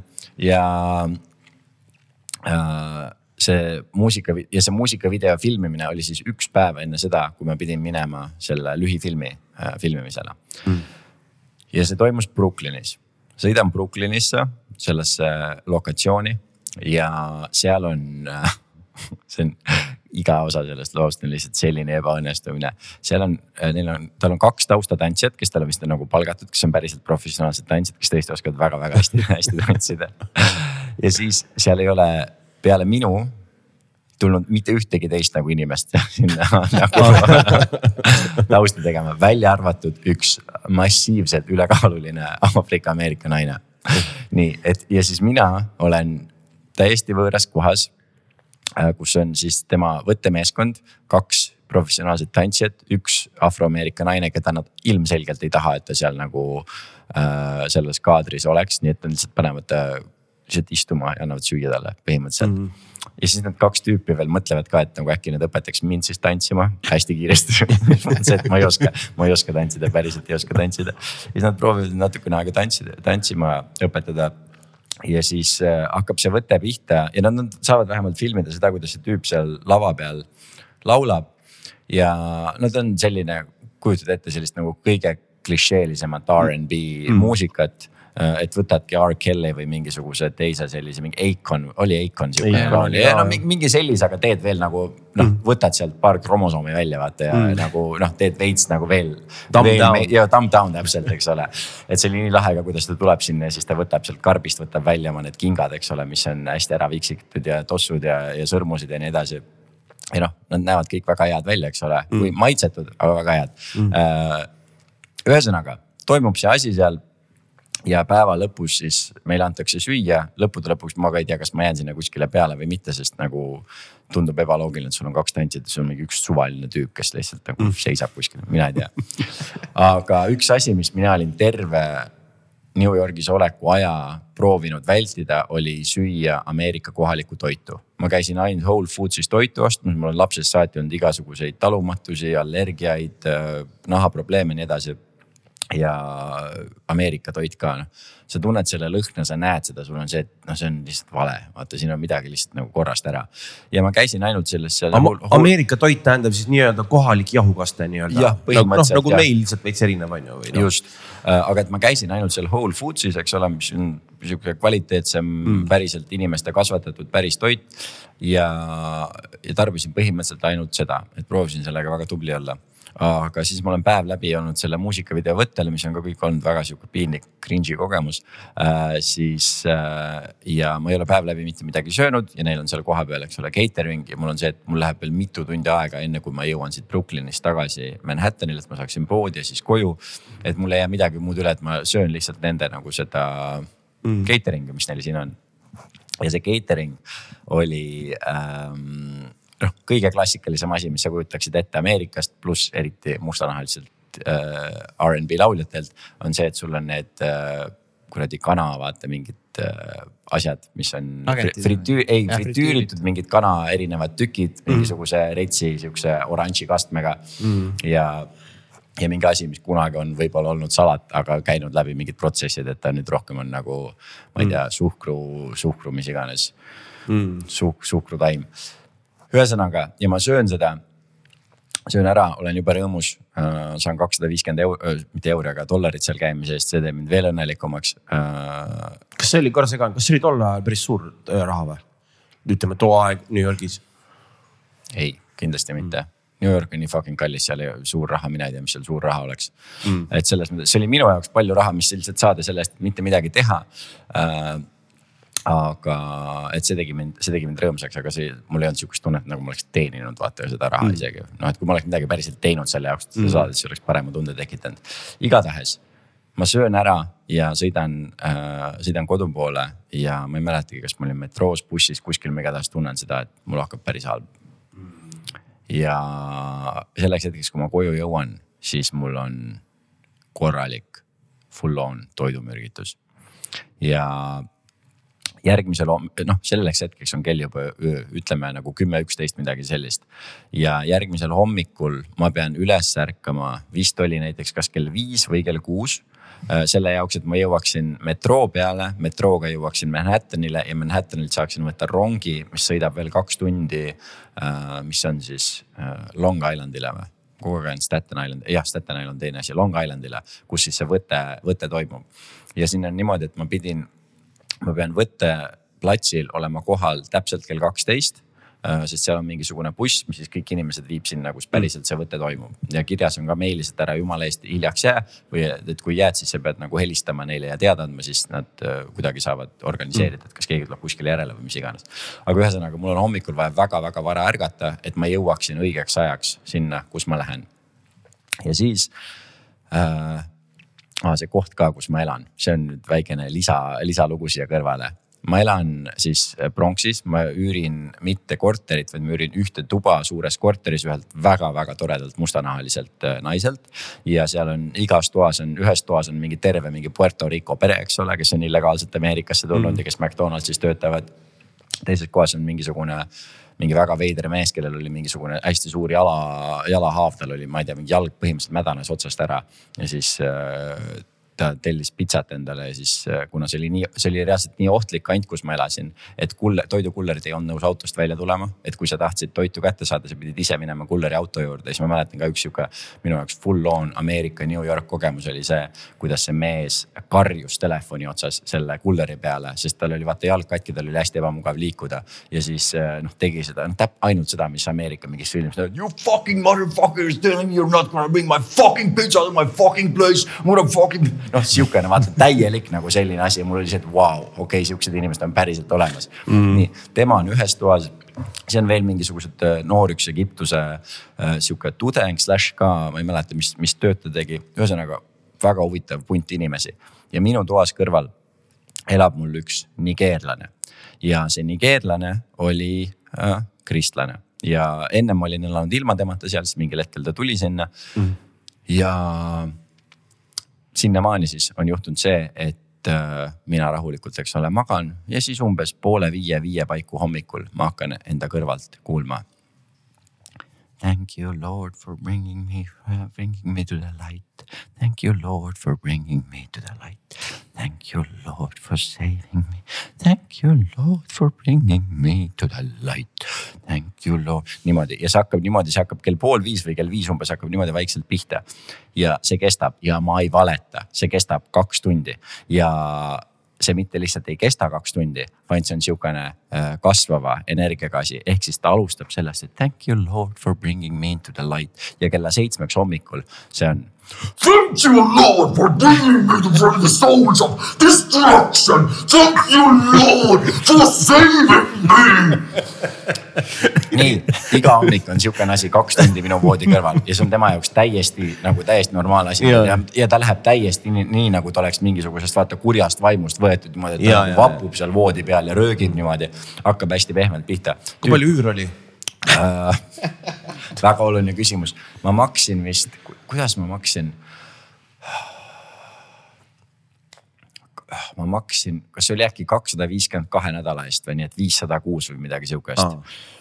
Dollarit. ühesõnaga dollarit ja mida, midagi sellist, et ma mäletan Harlemis, ma olin esimesed kaks nädalat seal, ma maksin kaheksasada kahe nädala eest. ja seal ma maksin siis, see oligi vist umbes poole vähe. Ma ei, ma ei mäleta. kahe, mõtle tegelikult viissada dollarit kuus, et äh, äh, ma ei tea, mida inimesed teevad üldse, et kuu lõikes nii palju kätte saada või, või kas see, kas peab palju tööd tegema, et saada kuu lõikes tead, ma viissada dollarit? jällegi, kuna mina seal kunagi tööd ei võinud teha, kõik asjad, mis ma tegin olid nagu mingid suvalised kunstiprojektid, millest keegi annab cash'i, siis ma ei tea, mul ei ole seda. nojah, tegelikult tundub loogiline, kui sul ühes toas on äh, Puerto Rico pere, kõik töötavad, siis ilmselt kõik, kui kõik töötavad, ilmselt handle'id ära kuidagi. ja, aga noh, täpselt, eks ole, et noh, terve korteri hind, ma ei kujuta ette, kui palju see oleks ja pluss Jaa. ega see koht, kus ma olen, ei ole mingi luksuskoht, see on fucking saja seitsmekümne viies tänav. aga hei, vähemalt said kristlane, kes teeb kogu aeg show'd, et noh, mingid hüved on ka vaata. seda küll jah, nii, aga siis äh, ühesõnaga see tüüp on minu kõrval, kes by the way töötas ÜRO-s äh,. ta oli mingi noor, mingisugune, mina ei tea, mis asja praktikat seal, üliviisakas, ülilahe tüüp nagu mm. noh, hästi armas, tore, ta oli Taanis ennem, ennem elanud. aga, aga see oli ühesõnaga minu hommik iga päev, nii ja siis on öö, mina olen jõudnud koju äh,, tahan minna magama, aga mul on toidumürgitus nii et mingisugusel hetkel ma lihtsalt ärkan üles, ma tunnen seda, et ma hakkan, hakkan oksendama. Lähen WC-sse, WC uks, eks ole, lukku tuli põlema ja hakkan lihtsalt oksendama, aga teate seda nagu projectile vomiting nagu inglise keeles on, lihtsalt nii, et sul tuleb lihtsalt nagu Pritsi. veekahur, veekahur No, nagu, ja, nagu tuletõrje, see. Lihtsalt sa teed kurgu, noh, see Exorcisti see lihtsalt niimoodi. Ja hakkan lihtsalt räigelt oksendama, oksendama, oksendama, oksendan natukene aega, siis uh, täiesti sihuke nagu on toidumürgitusega olla. Lähen tagasi magama, proovin natukene aega pikutada, siis tunnen seda jälle, jälle pean minema, eks ole. ja järjest käin, no iga paarikümne minuti tagant uuesti. siis ühel hetkel on see, et ma lähen WC-sse ja kui ma panen tule põlema, siis täpselt sellel hetkel äh, pirn läheb läbi mm. -hmm. Äh, ja siis mul on see, et fuck it, eks ole, ma tean, kus WC on, ma suudan pimedas, noh täiesti kottpimane öö on. et ma suudan kottpimedas ka oksendamisega hakkama saada ja siis ma samal ajal, kui ma oksendan, siis ma tunnen seda, et aa ah, okei okay,, et nüüd läheb, siit läheb ka lahti, et, et nüüd on vaja nagu mm. sittuda ka. ja siis ma ist, istun poti peale ja hakkan sittuma ja teistpidi on täpselt samamoodi, et seesama asi, mis tuleb suust, see tuleb äh, tuleb mm -hmm. persest täpselt, täpselt samamoodi mm -hmm. ja siis kordamööda ka niimoodi, et vahepeal tunned, et okei okay,, et saab natukene nagu tagant kinni hoida, tuleb eest jälle mm, -hmm. et ma keeran ennast ühtepidi, teistpidi. Ja, ja, siis mingil hetkel, kui ma tunnen, et davai, et mingi osa on sealt nagu tagantpoolt ära tulnud ja lihtsalt hingeldades niimoodi istun seal poti peal ja siis ku, nagu, kuna ma olen seda nii palju teinud ja ma tunnen selle haisu ka, siis ma lihtsalt panen nagu käe selja taha selle jaoks, et vett, vett peale lasta. ja vajutan seda, aga mis on juhtunud, on see, et pott on ümber läinud ja mitte ümber läinud, aga öö, umbe läinud, nii et ma mingil hetkel tunnen, kuidas kõik see minu siit ja okse tuleb vastu mu kintse ja hakkab räigelt lihtsalt üle poti äärt ajama. ja samal, ja samal hetkel ja samal hetkel vaata, see lamp on läbi läinud, kui ma olen seal, nii et ma olen täiesti kottpimedas, eks ole, kottpimedas luku taga oksendanud ja sittunud räigelt nagu vastik ja sitt on olla. ja siis kõik mu sitt jookseb lihtsalt kõik mu nagu äh, kintsud, jalad on seda täis ja pluss ma kuulen, vaata, kuidas see veel Ja, minu ja, kõrval, eks ole, mööda igale poole vannitoa põrandat läheb. ja siis mul on see, et okei okay,, fuck, nüüd ma pean hakkama seda nagu kokku lappima, sest noh, siin korteris on mingi kümme inimest veel, kes mingil hetkel tahavad tulla, eks ole, WC-d kasutama, ma ei ole üksi oma kodus. ma tean, kus kohas nurgas on, eks ole, mopp, ma lähen mopi juurde, hakkan moppi kasutama ja siis mopp murdub ära. niimoodi, et mul ei ole enam mopivart ja see murdub nagu täiesti alt ära, nii et mul on ainult see mopp ja siis mul on põlvid ja enda sita ja enda okse sees ja lihtsalt nagu tõmban sellega sealt täiesti kottpimedas, tõmban oma seda sitta okset ja nagu vä- väänan No seda sinna nagu äh, potti, eks ole, niimoodi välja ja siis mingisugusel hetkel hakkad läbi seina kuulma thank you lord for saving me from the souls of destruction. siis mul oli see, et ma tean, et ma umbes tunni aja pärast pean vaata nagu üles ärkama, et nagu kell on, kell on umbes viis saanud vist. Ja ja siis teen seda, eks ole, siis pärast veel situd oksendeid, situd oksendeid ja oligi noh, kell oli mingisugune viis läbi midagi, kus mul oli see, et davai, et ma saan nüüd nagu noh, ma tundsin ka, et keha on nagu tühi, eks ole, puhastus, puhastus on toimunud et ma saan mingisugune nelikümmend minutit veel voodis pikutada ja pean veel oma asjad kokku pakkima ja siis pean minema metroo peale, et jõuda siis sinna võttele mm.. nii, teen kõik selle asja ära ja lähen äh, asjad kokku pakitud, riided kokku pakitud, kõik on kokku pakitud, hakkan metroo peale minema, et jõuda rongi peale. ja rongidega oli niimoodi, et sinna Long Islandile läks Manhattanilt ainult kahe tunni tagant rong. ehk siis mu esimene variant oleks olnud see, et ma lähen, jõuan juba kell seitse rongi peale aga siis oleks see, et mul oleks olnud kell üheksa äh, kohal ja ma pidin tegelikult kohal olema alles kell kaksteist nii, ja siis mul oli see, et ma olen mhm. nii väsinud, vaata, et pigem on see, et ma magan natukene kauem ja ma lähen äh, kella üheksase rongi peale mis jõudis niimoodi, et ta jõuab üksteist läbi midagi ja mul on veel väike jalutuskäik, nii et ma vaatasin, et ma umbes täpselt nagu kaksteist jõuan. ja mul oli mm. emailis öeldud, eks ole, et palun olge täpselt kell kaksteist kohal, sest sellel hetkel meil lihtsalt bussid lahkuvad. kui jääte hiljaks, siis, äh, siis helistage ja mul oli see, et okei okay,, no ma võib-olla jään paar minutit hiljas, kaks-kolm-neli minutit jään võib-olla hiljaks, aga ma jõuan ja ma saan helistada, kui mingi probleem on mm.. kõik okei okay ja siis ma äh, sõidan metrooga Manhattanile metrooga lähen siis äh,, lähen rongi peale, sõidan kaks tundi rongiga, kuradi. pärakulihased hoian nagu nii koos, kui üldse on võimalik mm. koos hoida, lihtsalt igaks juhuks vaata, sa ei tea. ja jõuan siis kohale, vaatan, et okei okay,, et kell on mingi paari minuti pärast kaksteist, mul läheb jalutuskäigu peale mingi kümme minutit, davai, ma jään mm. neli, viis, kuus minutit hiljaks, maks mitte rohkem. jõuan selle maja juurde, kus on see silt, kus on õige aadress, kõik asjad, eks ole, siin toimub see. Lähen koputan uksed kinni äh, siis mõtlen, et okei okay,, vaatan natuke ringi, vaatan akna vahelt, äkki on veel keegi sees, ei ole, autosid ka kõrval ei ole, siis on see, et davai, et mul on email äh,. et kui jääd hiljaks, siis helista, siis võtan emaili lahti ja e. jõuan emaili lõpuni, et kui on, jääte hiljaks, helista, aga telefoninumbrit ei ole ja mul on see noh, Ameerikas ka kaks tuhat üksteist aastal see, mismoodi on telefoniga internet, kus sa seda levi saad ja nii edasi, noh põhimõtteliselt on see, et mul lihtsalt telefon ei tööta ja pluss mul on see, et mul ei ole telefoninumbrit, et kui mul oleks mm -hmm. number, ma saaksin helistada ja ma ei saa helistada mm. -hmm. ja siis mul on see, et nagu mingi okei okay,, mis ma nüüd siis teen et nüüd ma, mul ei ole nagu mitte, mitte sittagi teha, pluss on see, et mega halb on, eks ole, olla, maganud ei ole, olen just kuradi kolm tundi ühist, ühistranspordi peal olnud. ja siis, mis reaalselt juhtub, on see, et ma näen üle tänava teisel pool on pink. Ja see pink on nagu nii katkine pink, et vaata, kui on pink, mis on vaata laudadest kokku pandud, siis on mm. see, et sul on nagu kaks lauda kaks seda kitsast lauda, mis on alles nagu istumise all, nii et sa tegelikult istud nagu kuskil augus ja siis umbes üks selja peal, aga ma näen, et ma saan vähemalt toetada ennast kuskile. ja siis ma hakkan sinnapoole jalutama ja siis vihm hakkab vaikselt tibutama nagu filmis. Ja siis ma tunnen, et mul on vaja peeretada ja siis ma situn täis ennast. Mm ja siis ma, ja siis ma seisan ja see oli minu jaoks see hetk, et äh, Jaapanis viis inimest, eks ole. aga ma olen koju jõudmisest nagu kolme tunni kaugusel, ma olen just pidanud kuskile tulema, mul on tehtud fantastiline pakkumine, eks ole, et noh, nii tore, esimest päeva oled kuskil agentuuris tööl. saad siia lühifilmi, väike mõttetu mm. roll, aga keda huvitab vähemalt on see, et pohhu, ma olen kaheksateist, ma olen USA-sse tulnud, eks ole, ma saan teha midagi. muidugi. ja siis vaatad, et ah peeretada on vaja ja siis pff, oota, aga selles mõttes jäigi niimoodi, et need, need, jäi niimoodi, nende ainu, inimestega kontakti sa ei saanudki? Äh, ma ei saanud ja ainuke asi, mis ma sain, ma sain agentuurilt, sain telefonikõne, et äh, nad ütlesid, et me ei taha, et sa mitte midagi ütleks, et see on esimest korda meie agentuuris, kus me võtame kellegi tööle ja esimese päeva jooksul, kus ta on meil tööl olnud, või nii-öelda nagu meie databaasis olnud, siis keegi pakub talle tööd. et me ei taha isegi teada, miks sa sinna kohale ei ilmunud, aga et meil oli lihtsalt väga äh, nagu väga kahju, et, et. no kindlasti läks. oli sul ka kahju mingis mõttes. loomulikult mul oli kahju, aga vaata see hetk eks ole. kus on see, et juba on kõik nii sitasti, kõik, mis on mm. juhtunud enne, on juba nagu nii sitasti mm.. ja siis lihtsalt see. sõna otseses mõttes just, sitane no,. täiesti sitt olukord, eks ole, ja siis lihtsalt noh, see, see kvintessents, see, et ma tunnen, et ma tahan peeretada ja ma lihtsalt situn püksi endale. ja, see, et vihma sajab samal ajal ja siis ma istun selle pingi peal, mul on see, et ma olen kodust nii kaug-, igatpidi on olukord, vaata lihtsalt nii halb. sellel hetkel ka mingi osa minu sees oli ikka see, et türa, see on kunagi nii hea lugu. täitsa perses, et mul sihuke, kus ongi. kohas ma olen, ma olen kodust nii kaugel, ma olen kaheksateist, ma ei tea elust mitte munnigi. mul juhtus selline asi. see on eneseületus nii suur, et äh, pärast, kui tuled kodumaale, tunduvad nagu mingid asjad nii lihtsad või mingid asjad, mida sa arvasid, et kas on tähtsad või väärt muretsemist.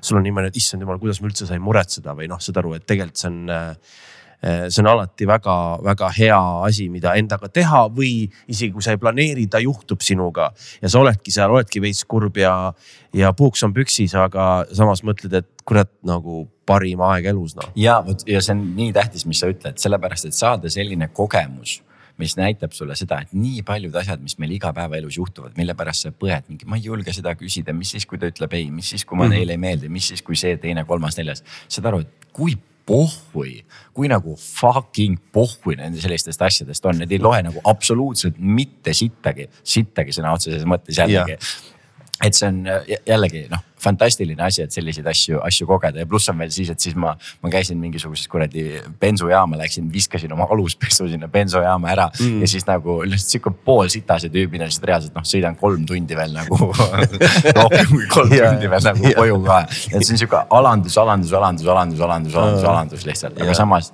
mul ei ole elus peaaegu mitte midagi naljakat juhtunud kunagi mm..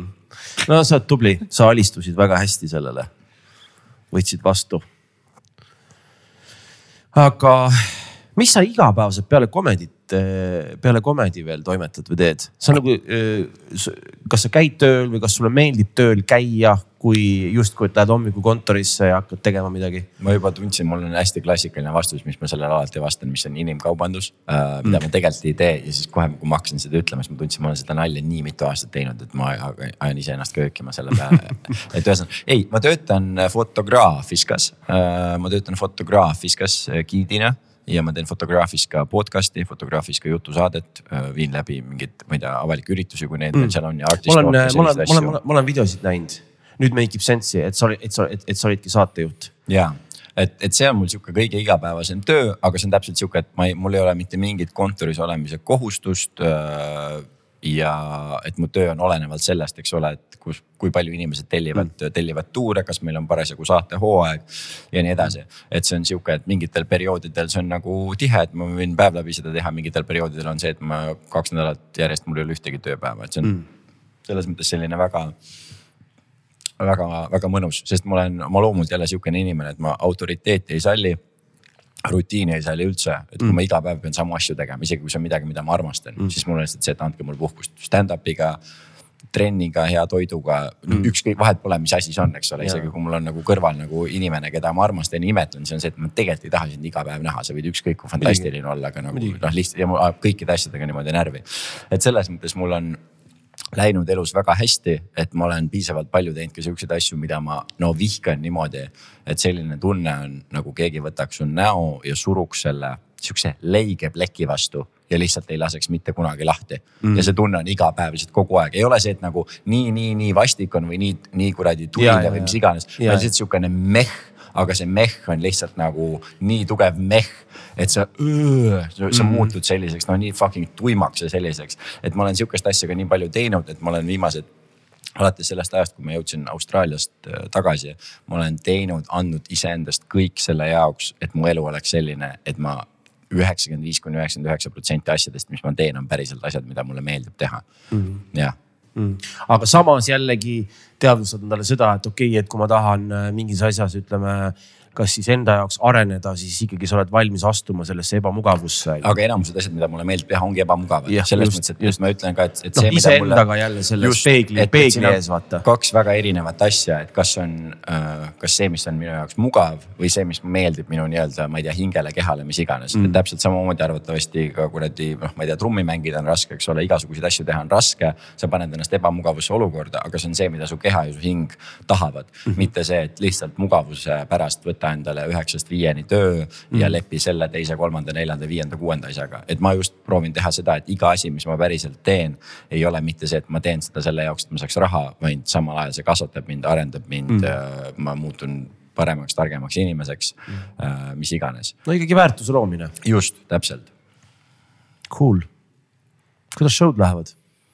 No esimene oli üle kivide känduda, nagu ikka on see, mida te käisite. me käisime ka esimesel. Te käisite esimest vaatamas ja, ja, okay. ja see on ka see põhjus, miks ma küsisin ka, eks ole, sest te ütlesite, et saaksite tulla. ma ütlesin, et kas te kindlalt mingile teisele ei taha tulla sest ma alati sõpradele ütlen seda, et nagu ärge esimest tulge vaatama, sellepärast et esimene on noh, ükskõik kui palju ma olen harjutanud, ma ikka olen ebakindel, ikka on nagu sihuke uh, tuleb asju endale meelde tuletada ja nii edasi. et, et see kvaliteet ei ole, ei ole seal mm.. esmaspäeval oli nüüd teine show, see läks lihtsalt no nii mega hästi, kui üldse saab üks show minna. ma olin mm. terve nädalavahetus pidutsenud ka, hästi halb oli olla enne. no oli lihtsalt, mul oli nagu kõhus ja kehas, mul oli lihtsalt nii halb olla et ma paar tundi lihtsalt kõigepealt kodus, eks ole, pikutasin, lihtsalt tegin reaalselt hingamisharjutusi ja lugesin mantraid endale lihtsalt selle jaoks, et nagu maha rahuneda ja kehas mm. olla ja kohal olla.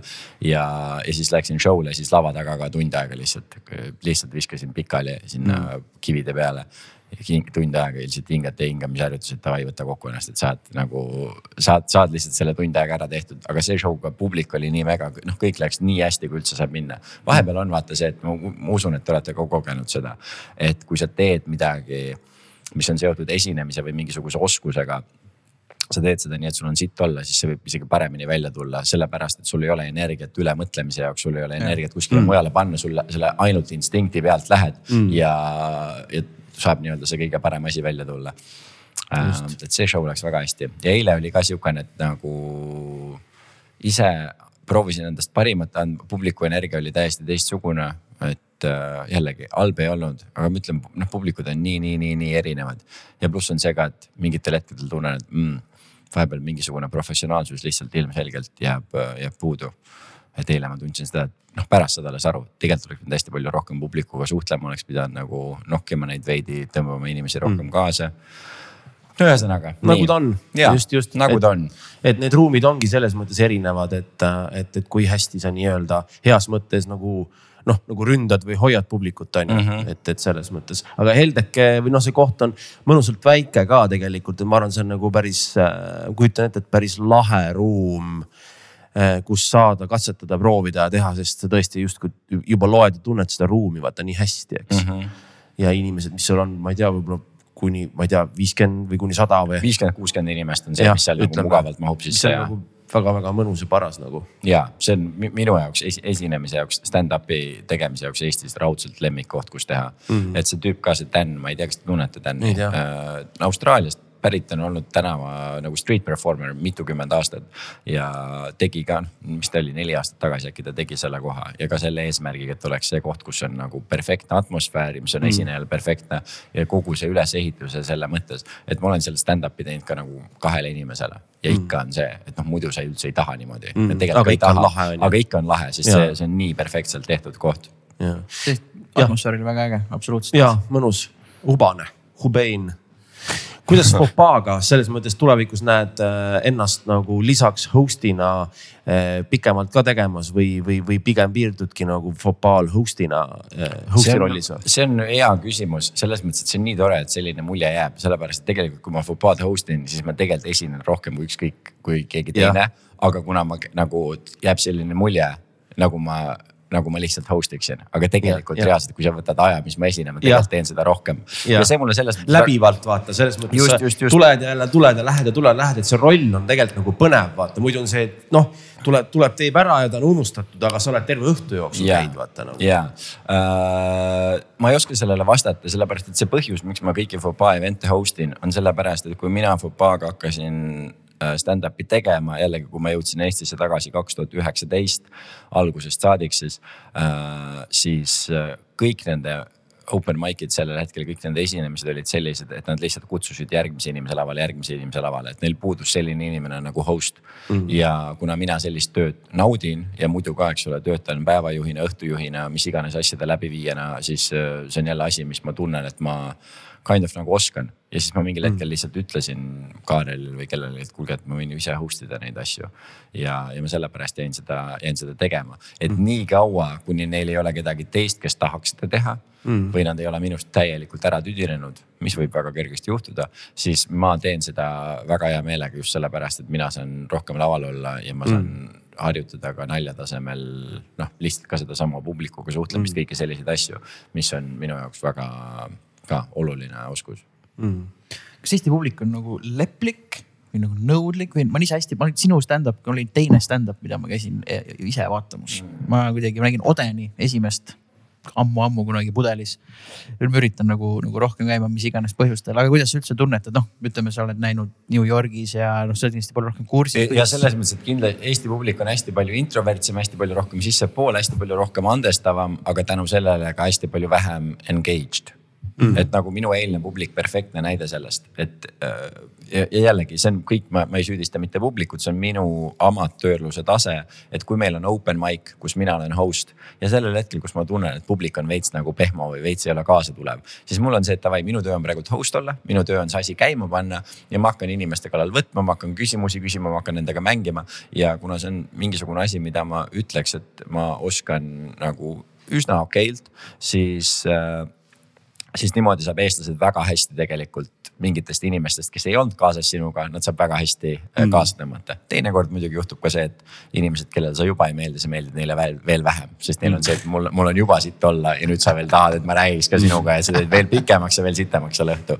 mis äh, ma ei väida, kas juhtus või ei juhtunud eelmine nädal vegan restoranis Oasis äh, aga aga ühesõnaga, kuna mul tegelikult on see oskus olemas ja host'ina ma seda ka teen, siis on võimalik sihukesest keskpärasest õhtust teha hea õhtu või mm. sitast õhtust teha vähemalt mõnus õhtu, kus neil on see, et davai, vähemalt sai suhelda, mõnus naljakas, eks ole, kellegi üle naerda mm.. aga kuna iseenda show sid ma olen veel teinud nii vähe, siis äh, ma ei, ma ei ole veel ära tunnetanud seda, mismoodi, et kas ma peaks sama palju olema, kui palju ma peaks olema nii-öelda host, kes on see, et tere tulemast siia ja mina mm. nüüd hoian teid siin versus esineja. et meie vahel on mingisugune selge piirjoon, eks ole mm., et te tulite vaatama, maksite raha, ma nüüd esinen teile ja siis läheme ära mm.. ja eile näiteks, esimesel korral ka tegelikult, aga esimesel korral oli rohkem probleem selles, et ma lihtsalt ei olnud piisavalt soe ja valmis veel. aga eilse publikuga näiteks on see, et tegelikult ma oleks võinud olla hästi palju rohkem host, oleks saanud kõigi jaoks õhtu hästi palju mõnusamaks teha. aga ma alles tagantjärele sain sellest aru, ehk kui ma oleks mm. professionaalsem, ma oleks teinud seda rohkem. ehk aga, aga vastata veel su küsimusele, et eestlased on väga viisakad väga,, väga-väga harva, noh, ongi ütleme iga kolme või iga viie maigi peal on üks nagu sihukene natuke liiga purjus inimene, kes mõtleb, et ah, ma teen õhtu lõbusamaks, kui ma, eks ole, mölisin midagi vahele. mis vahepeal on tore, vahepeal ei ole tore mm.. kui inimesed seda teevad, nad peavad eeldama ja ootama seda, et isegi kui sellest on abi, siis sind alandatakse selle eest, sind tehakse maha selle eest. ja kui sa oled sellega, noh, kui sa oled selleks valmis, siis nagu palun väga, aga tegelikult ei ole see, et inimesed ootaksid ja tahaksid, et sa hakkaks vahele rääkima, mida inimesed tihti arvavad, et oh, kui ma räägin vahele, siis ma teen õhtu lahedamaks mm.. aga see ongi, et ühesõnaga kahepoolne asi, et. tajumine just, et tänu sellele, et nagu kui eile keegi oleks hakanud lihtsalt nagu mingi heklima mind, siis tegelikult oleks õhtu parem olnud, sellepärast et ma oleks publikut rohkem engage inud. aga kuna eestlased on viisakad ja on see, et mul on tegelikult teisipäeva õhtu, tegelikult ma just tulin töölt, tegelikult ma pean homme seda asja tegema, ma ei ole isegi selles nagu meeleseisundis, et ma nagu tahaksin mingit meelelahutust, eks mm -hmm. ole. siis neil on see, et okei okay,, ma viisakalt kuulan ära, vahepeal itsipeen ja naeran natukene ja siis, ja siis lähen koju. et selles mõttes see justkui võib tunduda, et on nagu viisakam ja parem, aga tegelikult sa ei saa nii elavat show'd ka tänu sellele mm. tihtipeale. kusjuures see natuke kirjeldabki väga, vägagi seda ka, kui Bill Burr äh, rääkis sellest, kuidas äh, meie publik, kui ta Eestis käis, et, et, et, et, et kuidas siinkandi publik, äh, milline on et ta oli nagu noh, kas nüüd üllatunud, aga noh, see mees on nagu, ma arvan, selle kogemuse peale, mis tal olnud ja kes ta on, on nagu nii suur olnud, aga ütles, et see on nagu huvitav, et, et, et meil nagu publik justkui äh, üritab äh, hakata nagu nii-öelda siis probleeme lahendama, et see on mingi nii tugev Aa. loogiline sihuke nagu kaasamõtlemine, et justkui üritaks nagu probleeme lahendada, mida ma lava peal räägin, siis tegelikult on see chill, teie relax ige, ma tegelikult yeah. üritan nagu meelt lahutada yeah., et ei pea nagu. ja siis sa mõtledki seda, et aa okei okay,, tegelikult see tagasihoidlikkus tähendabki seda, et miks nad kohati meie publik on tiba puine noh, mhm. maakeeli öelda mm -hmm. ongi see, et kõik on nagu, nagu see valvsus võib-olla on liiga peal yeah. ise inimestel noh alateadlikult endale pandud, vaat võib-olla. see on jumala hea point, mis sa ütlesid, sest ma olin ära unustanud selle, et Bill Burr seda eestlaste kohta ütles, et toob mingi probleemi välja, eks ole täiesti retooriliselt ja siis keegi publikus saastab mingi sellega on niimoodi. ma ei oodanud tegelikult vastust, aga mul oli, mul oli eile täpselt samamoodi, et mul show sai läbi, siis mingi tüüp tuleb minu juurde. kuule, kas sa tead seda, et tegelikult ei ole niimoodi, et sellega nagu mingi mulle, ja mm. ma tegelikult tean, et see mm. ei ole niimoodi, et tegelikult see oli ainult meelelahutuslikel eesmärkidel öeldud, et ma ei, ma ei paljastanud siin mingit oma elu, elufilosoofiat või päriselt ei mõelnud. see, ei ole praegu personalikoosolek ka by the way, aga eest, eestlane on ikka praktiline talurahvas. kuule, ma tean küll, kuidas sellega nagu. ja, ja kuidas sellega ja sellega jah. äge. mis sa, kas, eh, kas sul endal võib-olla miskit, mida tahad rääkida, lisada, mõni oh,, mõni teema. väga huvitav küsimus, teate, mis või, ma ütlen ausalt, väga piinlik jällegi tunnistada äh,. mul ei ole õrna aimugi, kes te kumbki inimesed olete ja ma mõtlesin seda ka, et ma ei taha teada saada, sellepärast et siis ma tuleksin mingisuguse eeldusega. ma korraks hakkasin, ma korraks hakkasin ühte teie podcast'i kuulama, aga siis ma mõtlesin, siis mul on jälle, siis ma mõtlen, et okei okay,, te olete siuksed inimesed, räägite sellistest asjadest. see on hea point, sest sa ise kirjutasid, et, et ta, ja, tahaks ja, tulla kämama, et ma tegelikult ja, põhimõtteliselt küsikski, et, et kust sul see põlema läks uh,? see, ma, ma, ma ei mäleta, kustkohast mul teie see podcast, kuna ma olen sind ka näinud meie open mic idel, siis mul on see, et mm. okei okay,, tüübi nägu on tuttav, oleme suitsu teinud kindlasti. ja, aga on jälle see, et mul pole õrna aimu, kes te olete, siis ma nägin, et teil on siin nagu igasugused teised huvitavad inimesed käinud ja siis oli mm. jälle see, et okei okay,, et ma võiks hakata kuulama, aga siis ma juba mõtlen, et aa, et need on need asjad, millest teile meeldib rääkida või noh. et mul tekib juba sihuke tunne, et ma pean rääkima X-ist, Y-st või Z-ist, ma mõtlesin, et palju toredam on see, kui ma ei tee seda mm. ja kui ma ei tea ka, kes te olete, sest kui ma tean, kes te olete, siis ma hakkan ka mõtlema, et okei okay,, tema teeb seda, tema huvitab seda, noh mis iganes. Ja, siis äh, mul oleks jumala hea teada üldse seda, et kes, kes te olete, mis te teete, siis ma tean ka, kellega ma rääkinud olen. Äh, no ma võin Miku eest rääkida, Mikk on äh, põhimuusiktrummar Eestis. Mikk Simson, kui guugeldad, siis tuleb välja kõik asjad. Aast, juba aastakümneid teinud, nüüd teeb ikkagi veel kõrgemalt ja õpe, õpetab õpilasi trummi mängima. ma olen jah, õpetaja olnud hull kaua, ma olen kolmkümmend kuus, aga ma hakkasin seitsmeteist aastaselt õpetama. Mm.. noh, nagu alguses nagu hobi korras, aga siis hiljem noh, nüüd viimased seitse-kaheksa aastat ikka hardcore'i, noh lastega hästi palju teen tööd ja niimoodi. veits on mõõt täis praegu, me teeme seda ka podcast'i muidugi siin mingi kolmekümne esimesel augustil enne esimest septembrit, aga, aga jah, ma olen nagu muusik, trummar, ma ei tea, trummar, mingid ansamblit ka või? äh,. küll jah, ma olen selline hired gun tüüp, et praegu mängin Tanel Padariga ja. esimest korda kuulen sellist nime vot selline loot-, loot-, loot, lootustandard. ei, ta on jah sihuke noor uustulija mm., et äh, paljud ei teagi, ta vist alles nüüd kolis üldse pealinna, olen kuulnud, ta vist. staarisaatest Arasevest jah? ja, vot kaks takti ette. sealt vist isegi ja, ja ühesõnaga hästi palju, noh, ma olen sinna hired gun, keegi tahab nagu trummarit on ju, ma ei tea, asendada, mis iganes, mängin seal. ja teinud bände, Ivor Experiment mm. -hmm. äh, issand jumal, Koit Toomega mängisin kümme aastat. See oli Ride. Mm. äh, no ühesõnaga. Kusjuures trummimäng oli ainukene asi, mis ma lapsena mõtlesin, see oli üks mu unistusi, trummariks saada. Äh, kõikidele teistele bändides või meil ka, no kuna vanemad olid, eks ole, punkarid, ma olin ise räige metalhead, kui ma väikene olin mm., siis äh, kõik teised tahtsid. mis aja heavy peamiselt kuulasid? ikka seitsmekümnendate, kaheksakümnendate mm. nagu Briti heavy metal on, eks ole, põhiline, aga noh mingid nagu Black Sabbathid ja Judas Priestid, eks ole, tegelikult alustasid juba seal kuuekümnendate lõpus mm., aga kõik see ikkagi nagu raske kahurivägi sellest mm. ajast on minu. aga kuni kõik üheksakümnendad ja kahe tuhandendad samuti või? see nu metal'iga mul on sihukene nii ja naa et mulle väga tegelikult meeldib äh, Rob Zombie ja Marilyn Manson näiteks mm. minu arust väga nagu juba ka selle artisti kvaliteedi ja kõige selle poolest, et räigelt nagu tegelikult. no pluss see visuaalne šokk ka. just, just, just, just, just ja minu elu üks kõige parem kontsertelamus oli kaks tuhat kümme Marilyn Mansonil oli maailma tuuri viimane kontsert oli Eestis. olen kuulnud jah. ainukene show peale Ossi Osborne'i, mis ma olen Saku Suurhallis nautinud reaalselt mm.. Äh, sellepärast, et noh, seal on heli, eks ole, kõik teavad, räige pask aga tema kogu selle kisa ja kera ja kõige sellega, et see reaalselt nagu töötas. ma olen ka kuulnud, et see vist oli. ja see oli, noh, see oli ikkagi no ikka fucking elamus, elamus, elamus. Mm.. Uh, et, et nemad ja mingeid korni ja siukseid asju ma ka kuulasin, aga ma ei saa öelda, et nad nagu mingid lemmikud või midagi sihuke oleks, ma mäletan, oli periood, kus ma natuke, natukene kuulasin aga noh, mussi mõttes üleüldse vähemalt sa oled selle ukse lahti teinud, et isegi ei ole vahet nagu võib-olla see esteetiline pool nagu, mis, mida nagu tihtipeale ajastu alati kirjeldab, on ju. aga noh, üle, üleüld-, üleüldse see muss, et see dramaatilisus seal sees, noh, sa oled nagu vastuvõtlik, vaata, sa mm -hmm. ei mhm. keela seda endale, on ju, et, et vahet ei ole, isegi kui ma praegu paneks uue mingi messuga peale, siis ilmselt nagu toimiks, sest sa oled juba nagu tuttav võib-olla selle maailmaga, et mm -hmm. noh, hoiab ja... ka nagu üsna avatud inimesena, mis puudutab muusikat, et. ja, ja Rammstein ka kindlasti üheksakümnendad, kahe tuhanded, et nendega ma kasvasin ikkagi üles, et kui, et äh, noh, Marilyn Mansonit äh, Rob Zombit ma hakkasin natuke hiljem nagu mingi teismeeas kuulama. aga Rammsteini seda Live House Berlin, seda ma mäletan ikkagi mingi kuuenda ja kuueaastane olin, kui isa Honda Civicus esimest korda selle kasseti, kasseti siis. see oli mingi kontsertalbum neil või? ja, ja, ja, ja, vist oli jah. jaa. Cool Aquila, Jaa. on äh, Killa, mina siis just Killa on nagu kõige parem räpimees, DJ võib selle kohta öelda, ma tean, see tegelikult, sa pole nagu avalik DJ. ma ei ole avalik DJ ja mul on ka, ega mul, ega, ega, ega ma ise olen ka eluaeg siukene väga hirmul poiss olnud, ma nagu kartsin kõike põhimõtteliselt kuradi taksojuhte, fotograafe, rääkimata sellest teadmatusse hüppamisest, eks no sa ole. nimetasid kaks põhiperverdi klassi selles mõttes, et see ei ole ime, et sa neid.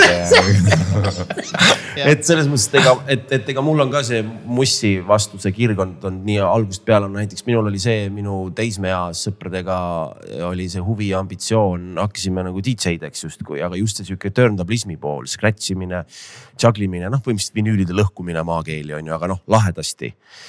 Ja, ja, ja, ja, ja mul samuti nagu hir, hirmutas see ära, vaata, see tähendab seda, et sa pead minema sinna seti taha ja noh, saad aru julgesin ainult üksinda harjutada, ma isegi ei julgenud nagu sõprade ees harjutada, noh jälle seesama, et ei tea, mida arvatakse ja kõik see. noh, nagu sa ütlesid, et sul hirmutas see ära, see iseenda, noh jälle see iseendaga mm -hmm. otsa vaatamine, mul vist äkki vist mingi üks viisteist aastat oli vähemalt pausi sellest kui ma nüüd nagu kunagi uuesti käsile võtsin ja ostsin uuesti seti ja hakkasin jälle vinüüli ostma ja nüüd nagu harjutan igapäevaselt. et ehk siis noh, praeguseks hetkeks oleks võib-olla viisteist kuni kakskümmend aastat juba seda vabalt olnud teha, aga lihtsalt hirm selle ees mm, -hmm. et äkki õnnestud või noh, mis iganes mm -hmm. vaata on ju, mida sa kardad nagu et põhimõtteliselt on nagu põhiambitsioon see, et äh, ega nii ei olegi, ma arvan, et võib-olla mingi pensionäri eas võib-olla äkki must saab ikka päris kõva scratch'i mees, et siis ma ilmselt olen juba väga rahul endaga. Aga et- Killa on veel videomees, minu jaoks kõige paremas mõttes, et noh, selline musavideosid teinud ja, ja. no videograaf, videograaf, kas, kui nii saab öelda ja mis puudutab mitte ainult videosid, ma olen teinud nagu ma ei tea, mingisugust kuradi raamatupidaja kuradi lapse lasteaia lõpetamis kuradi aktustest kuni mingitest pulmadest, no kõik see keikapask, vaata mm, -hmm. kõik see on nagu ära tehtud ja on ka läbi põletud õnneks. et selle sai nagu ühele poole jätta. et praegu on täitsa paus, praegu ei teegi midagi, olen noor pensionär, vaata, mis edasi saab, mõtisklen mõtteid ja tõmbaks selle podcast'i käima, saaks mingi reitsilt pappi, siis oleks. see kuradi podcast'i rahad on retsid, ma ütlen. ma olen ka kuulnud jah, et eriti Eestis me sõbrannaga kaks tuhat üheksateist aasta alguses hakkasime ka tegema kahekesi podcast'i ja lihtsalt äh, mul Ma arvan, te olete miljonärid. enne kui, enne kui ma jõudsin siia LHV-st tuli, tuli raha kõne ei tuli kõne, et kuule, et raha, raha ei mahu kontole ära enam. et kas. kõne tuli, mõtle, et sul see põhimees helistab sulle. ja, et, et helistas ja ütles jah, et kuule, et see, et siin on täiesti nagu jah, et kas sul on mingit muud kohta, kuhu saaks, saaks raha panna, et lihtsalt äh, täis on konto mm.. ja ma nüüd peangi, peangi mõtlema, et mis, mis edasi, edasi saab sellega, et see podcast'i rahad on, see on, see on hull, et ole, ole valmis, ma loodan, et sul mingit kokasõltuvust või midagi sihukest ei ole. otseselt sõltuvust ei ole, aga noh, ega Eesti koks on siit ka, nii et selles mõttes. aga äh, see enne kui ma küsin, ma tahaks, et te vastaksite ka sellele, et miks te seda podcast'i hakkasite tegema, sest oleks huvitav teada. sest äh, meile meeldib kämada. Ah, okei okay,, see on nii lihtsasti vastasitegi, davai, aga ma tahtsin öelda selle kohta, et mis sa ütlesid, et oo, et äh, ma ei tea, tekib hirm, eks ole, et äkki sa ei õnnestu või ebaõnnestu või mis iganes. üks asi, mis mina avastasin ka mingisugune kaks tuhat kuusteist, seitseteist aasta kirjutasin endale päevikusse isegi sihuke väike eureka oli see, et tegelikult ma ei usu seda ja nüüd see tänapäeval, see võib-olla on muutunud mingisuguseks klišeeks juba kuskil enesarengumaailmas mm.. aga tegelikult ma ei kartnud mitte ebaõnnestuda, vaid tegelikult ma kartsin Õnnestuda. õnnestuda. Sellepärast, et see hirm, ma sõnastasin selle endale, enda jaoks väga ilusasti ära äh,. on see, et kui ma päriselt teen kõike, milleks ma olen võimeline, siis ma saan selleks inimeseks, kelleks mul on potentsiaal saada mm. -hmm. aga kui ma olen see inimene, kelleks mul on potentsiaal saada, kes on, eks ole, tubli ja aus ja väärikas ja edukas ja kõiki neid asju, siis sellel inimesel on päriselt vastutus kõige ees, mis ta teeb. tema päriselt vastutab, vaata see asi tema, mida tema ütleb, mida tema loob, mida tema teeb, sellel on nagu tema see nii-öelda kvaliteeditempel juures ja ta mm. peab suutma selle taga seista. ja ma lihtsalt kartsin seda vastutust ja mingis, mingil mõttel, mingis mõttes siiamaani kardan seda. et aa nüüd, kui ma ütlengi, see on minu nimi, see on minu tehtud mm, -hmm. ma ei tea, fucking tule vaatama. siis kui ükski osa sellest, eks ole, on veits sitt, siis ei ole see, et režissöör on süüdi, stsenarist on süüdi, kes iganes teine on süüdi või ma isegi ei pingutanud, vaata No ma tegelikult just. ei proovinud, eks ole vaid on see, et mina vastutan ja kui on sitt, siis on minu süü ja mina pean nagu tegelema nende, nende tagajärgedega, et see hirm on hästi palju hullem kui see, et äkki ei tule välja. kusjuures minu arust äh, see on universaalne ka ja see on, see on väga hea point, et sa lisad, ma põhimõtteliselt tahan, tahtsin ja tahan ka sedasama nagu öelda. et tegelikult see õnnestumine on number üks asi. Sest kõik ju muutub, kui sa õnnestud, absoluutselt kõik. Ja kõik see on ju positiivne muutub või noh, ühesõnaga positiivne muutus nii-öelda leiab aset ja see ongi hirmutav. Ja, ja, ja, ja, ja, ja see sõnastamine ka, see ebaõnnestumine ja ebaõnnestumine, et, et võib-olla peaks seda nagu, nagu muutma, et, et, et, et ära karda nagu ebaõnnestumisi, vaid kuidagi muuta see selliseks, et ära karda neid õnnestumisi sest see on jälle hakkab tööle nagu külgetõmbeseadus samuti, et kui sa nagu maru kõvasti neid negatiivseid sõnu nagu endal välja ütled, siis ahahaa, mida sa tõmbad ligi. noh, äkki juhtub nii, aga äkki läheb just hästi et nagu noh, sa ju tahad mälet... seda, et läheb hästi. ja ma ei mäleta, kes see ütles seda, aga keegi, kellegi tsitaat on midagi sellist, et, et sihi nii kõrgele, et äh, isegi sinu ebaõnnestumine on äh, õnnestumine. uhke uh,, glorious oli see sõna, et, fail glorious, aim so high that even if you fail, it's, it's glorious. ja, just, sest tegelikult, sest ega fakt on selles eh, vahet ei ole, mida sa hakkad tegema, sa varem või hiljem õnnestud, see on fakt see on, see on jumala surmkindlalt, sa õnnestud tegelikult. no kui sa tegeled no,. sellest, et sealt tuleb jälle see. ei, aga see, see tähendabki seda selles mõttes, mis, mis mõttes ebaõnnestumine. seal tuleb, sealt tuleb see, see näide jällegi, et kui sa teed vahet sellel, mida, mis see on see, mida sa pead taga ajama, et kui sa pead taga ta,, sa oled väga huvitatud jalgpallist aga selle FIFA mängimisest ja jalgpalli kohta teadmisest, aga siis mõtled seda, et läheks, paneks paar penalti, eks ole, et siis see võib see fail olla, et see tegelikult ei pruugi kunagi õnnestuda, eks ole, või kui sa ühe jalaga mõtled, et lähed nagu Lebroni vastu kuskile kossu mängima mm., et siis, et võib-olla on see et see siht peab ka õige olema. ei, arusaadav, seal on palju asju, aga ma mõtlen, noh, ütleme niimoodi. põhimõtteliselt küll jah. tõstame nüüd korraks seda levelit nüüd teadlikkuses, mida me nagu teame, alustame sellest, mida me teame, siis on see, et fakt on see, et sa õnnestud mm. -hmm. ikkagi sa, sa ei jäta järgi, noh, oluline asi on see, et kui sa järgi ei jäta, sa teed, see on garanteeritud, et sa õnnestud mm. -hmm. seal ei ole muud varianti, kõik loodusseadused hakkavad sinu kasuks tööle. gravitatsioonijõu üle me ei vaidle, et keegi arv, mina arvan, et on teistmoodi, no ei ole, see on seadus, sorry, toimib noh mm -hmm. ei ole muud varianti nagu, et jah ja mina soovitan sama siin hea septembri episood, et, et põhimõtteliselt kõik asjad, millest ma olen unistanud, on täide läinud. aga ma nagu tagantjärgi mõtlen, siis pean veel suuremalt nagu unistama.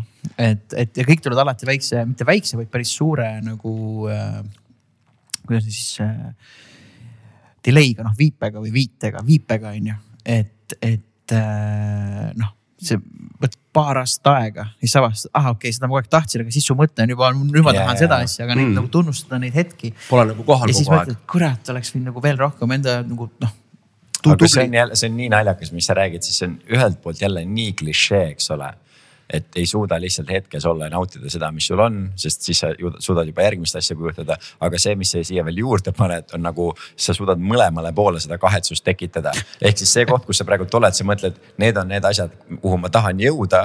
ja siis saad aru, kus sa oled ja mõtled, pagan, ma oleks võinud tahta veel kaugemale jõuda, ehk siis sa kahetsed nii minevikku, minevikku kui ka tulevikku sama, samaaegselt, samas olles saanud kõik, mis sa oled tahtnud. eks, et see on päris, päris vinge vinge viis, kuidas iseendale ise kannatusi tekitada ja nautida jumala eest ei tahaks. andke, andke ainult selle eest, et ma siin liigselt, liigselt ja. Äh, hästi ei tunneks ma täna hommikul ka, kui ma hakkasin sinna Fotograafiskasse jalutama, et oma kohvi võtta, siis ma mõtlesin selle peale, et mul on endal ka elus pigem olen nagu rahul ja rõõmus ja igast asjadega on väga hästi läinud. kogenud ka loomulikult sedasama asja, et, et see mõlemale poole äh, kahetsus, ootus, mis iganes, mitte rahulolu töötab väga hästi, aga et siiamaani ma ei ole kogenud elus mitte ühtegi sorti edu mitte üheski valdkonnas äh, mis oleks ja jällegi, kui keegi seda kuulab, siis ta mõtleb, et sa ei ole üheski valdkonnas edukas inimene, millest sa räägid. ja ma saan aru, aga iseenda jaoks defineerituna, eks ole, saades midagi, see võib olla kasvõi seotud, ma ei tea. noh, ükskõik millega, rahaga, naistega ja mõelge kõik muud asjad sinna juurde. kaks lemmikut asja, raha ja naised. põhimõtteliselt, eks ole, aga et ei ole olnud ühtegi asja, mille saavutamine saamine, kogemine, nägemine, tundmine, katsumine, mis iganes äh,. oleks pakkunud mulle suuremat naudingut kui see, et äh, mul on piisavalt palju aega iseenda jaoks, ma saan vaadata aknast välja, teed juua, hingata sisse-välja äh,. et, et isegi need asjad, mida ma räigelt naudin, nagu see, et ma praegu teen seda enda stand-up'i ja valmistun show deks ja teen neid show sid, võtab metsikult palju energiat, pluss tegelen iseenda promo ja kõige sellega. siis ka seda, mis on mu lemmikasi maailmas, mida teha. ma ei naudi nii palju kui seda, et ma tunnen lihtsalt, et minu sees rahu on mm,. ehk siis ja, ja ma ei, ja olles kõike kogenud, saanud, nautinud, mida ma olen saanud elus, siis mulle tundub ka täiesti võimatu, et on mingi asi olemas, millega, mille nimel ma oleks siis nõus loomut-, loovutama oma selle hingerahu. mis on lihtsalt see, et davai, võtan vabalt, hingan sisse, hingan välja, ma saan hästi läbi oma sõpradega, ma saan hästi läbi oma perega äh,. mul on füüsilises kehas terve olla ja see on lihtsalt koha peal olla. kõlab jälle sihukese väga klišeelise labalise, labase asjana, aga tegelikult noh, minu jaoks väga-väga tõsi ja nii tähtis asi ka, mida väga vähesed jõuavad selleni. ja nii paljud, no ongi, sest mida rohkem sa hakkad saavutama, siis seda rohkem hakkadki mõtlema seda, et aga mul on nüüd see järgmine asi, mida tahaks saavutada, järgmine asi, mida tahaks saavutada, aga kui sa ei pööra tähelepanu sellele, et see asi, mis on oluline, ei ole mitte see välispidine edu või isegi edu, mida sa seestiliselt tunned, vaid see ütleme, see rahutase, rahulolu tase, mida sa tunned kõige all, olenemata sellest, kas sa oled midagi saavutanud või ei ole midagi saavutanud ja kui mina võtan näiteks viimase kahe ja poole aasta äh, raamistikku, mis on siis alates pandeemia ajast ja sellest kogu sellest ajast, ma arvan, et mul on olnud rohkem kui aasta aega, kus ma ei ole praktiliselt noh, tõesti mitte midagi teinud. ei teinud mitte ühtegi asja, mille eest ma teeniksin raha, teinud ühtegi, noh lihtsalt sellepärast mm., kuna kõik mu tööd on seotud inimestega suhtlemisega. Need kõik kadusid ära ja mingitel hetkedel tunned lihtsalt niimoodi, et kellelgi ei ole mind vaja, kellelgi noh mm.. sest kui kellelgi oleks, keegi helistaks, tule nagu räägi siin nende inimestega või tee seda mm., vii seda asja läbi. aga selliseid asju ei ole olnud praegult on seda väga palju, väga mitmes erinevas valdkonnas, kus ma pean asju tegema, kiidetakse, mulle endale meeldib, noh. kõik justkui need asjad, mida sa võiksid tahta, loovinimesena eriti, eks ole mm., kõik on täpselt nii, nagu sa tahtsid, sa oled ise kõik teinud, ise saad uhke rõõmus olla. aga ma ei saa väita, et ma praegult oleksin eluga rohkem rahul kui ma olin kõikidel nendel kuudel pandeemia ajal, kus ma ei saanud mitte muhvigi teha mm. ja ei teeninud mitte millegagi raha. sellepärast, et see all olev mingisugune rahu lihtsalt iseendas olemises ja inimeseks olemises on, see tuleb kuskilt nii palju sügavamalt kui lihtsalt sellest, et kas ma teen seda asja, mis mulle meeldib, mida ma tahan teha või, või mitte. no just. ma arvan, väga tähtis iseendale teadvustada, mis asi on äh, edu su enda jaoks, jah, kelle iganes jaoks, kes kuulab, et ma arvan, see on, minul on väga raske seda, ma olen seda kogenud vist kaks päeva elus ja ma tean, mis asi see on. aga, aga jah, et nagu raske on teinekord, mis on siis nagu edukus. Ja tihtipeale ongi, et me unustame endalt küsida, mis on edukus versus see, et et me teised justkui kiidaks heaks, et see, mis sa teed, et see on nüüd nagu õige rada, on ju, et mis ma siin ka rääkinud, et mäletan pärast keskkooli, kõik läksid ülikooli, ma läksin ülikooli sellepärast, kõik ütlesid, et sa pead ülikooli minema umbes valisin seal, mõtlesin, filosoofia on päris äge ja noh, et ma ei tahtnud tegelikult minna sinna. esimest korda elus kuulen sihukest lauset, filosoofia tundub päris äge. Tahaks, mis tšikkidele meeldib, kuidas tšikkidele meeldib nagu filosoofia. kas ma peaks nagu pankuris hakkama selle Porschega tšikid peale korjata või korjan tšikid peale Nietzschega? Nietzschega on väga hästi tšikke peale korjata võis ka, eriti kui nad õpivad sinuga samal kursusel. Aga, aga igatahes see selleks, et, et äh, ma tahtsin sellega öelda, et, et siis mingi aeg hakkasid nagu vaatama, et, et kui su nagu eakaaslased hakkasid lõpetama ülikooli midagi, vaatasid kõik nagu, kes läks kuhugi tööle ja midagi, siis vaatasid, et holy shit, vaata, et ma ei tea, ma praegu harjutan siin ja nii edasi, et teen, et siis saidki aru, et. et see, see peab üldse seda tegema, mida nagu oodatakse ja tihti kahekümne viieselt tegelikult titt noh sa saa selles mõttes, et mitte sittagi aru, on ju, kindlasti ma praegu kolmkümmend kuus kuni nelikümmend kuus mõtlen, jesus christ, mis juttu ma siis ajasin, vaata, mis on hea, siis tähendab, et vahepeal on toimunud areng, on ju. Noh, muidu sa oled ju valmis, siis, et noh, mis siis on nagu ma ei tea, hauda otse või noh, et see on nagu mm. nõme olla nagu justkui valmis. et see pressure on lihtsalt nii rets äh,. ja siis ma jõudsin nagu lõpuks mingi aeg selleni läbi nagu trummarite, et kui ma hakkasin vaatama, selline trummarite ajakiri on nagu Modern Drummer on ju, mis ilmub üle maailma hakkasin vaatama, et millal need tüübid nagu esikaanele nagu hakkavad sattuma, kes on kunagi up and coming olnud. ja siis vaatasin, et ah kolmkümmend neli, kolmkümmend viis oli see, kus nad hakkasid nagu üldse selline, et noh, see tüüp on päris cool vaata, mitte et see on põhitüüp. ja siis mingi hakkas klikkima, et holy crap ja saadki aru, et on mingi kakskümmend aastat tööd teinud ja asju koomikutega samamoodi, mis ma räägin, noh et. Louis CK, kes on minu suur lemmik või Bill Burr on ju noh, et need vennad ei astunud voodist välja kaheksateistkümnes. no mõlemad alles neljakümnendates on see, kus täpselt. kõik teavad, kes need, need tüübid on. et, et nemad ei olnud kakskümmend viis selle diplomikraadiga nii-öelda, et oh, kuule, ma olen nüüd kõige reitsem koomik üldse on ju, see, noh, piece of shit olid siis vaata on ju. ja sa nägid vaeva, tegid tööd ja siis hakkas mingi aeg nagu minema. et noh, see on nii ma üritan enda õpilastele sama asja rääkida nagu Killa ennem, et noh, et ma luban sulle, et kui sa tegeled, siis sa saad heaks ja asjad juhtuvad ja samamoodi ma luban sulle, kui sa mitte midagi ei tee, siis mitte midagi ei juhtu ka vaata mm. et see nii lihtne ongi, et seal ei ole mingit sellist saladust, et oo, et noh, kindlasti, kes sünnib mingisuguse väikse eeldusega või lisaandekusega, aga see ei tähenda, et sa ei pea nagu tööd tegema, on ju. et noh, ma tean, me oleme siin podcast'is väga palju rääkinud ja ometigi sa näed oma tutvusringkonnas ja õpilastes, et noh, see ei, ei, ei jõua ikkagi see arusaam. ja mis ma enda õpilastele nagu räägin, on see, et sa pead võtma selle ühe raskuse, mis sa pead nagu ületama. noh, võtame üks teema, mis sa tahad paremaks saada, näiteks trummimängus ja milles iganes. ja kokkuvõtteid minul õpetatud kunagi tehakse nelja kuni kuue kuu tagant. et sa hakkad täna tegema midagi, sa pühendad neli kuni kuus kuud, see võib vähem olla ka, on ju, igal inimesel on erinev see õppimiskurv, on ju.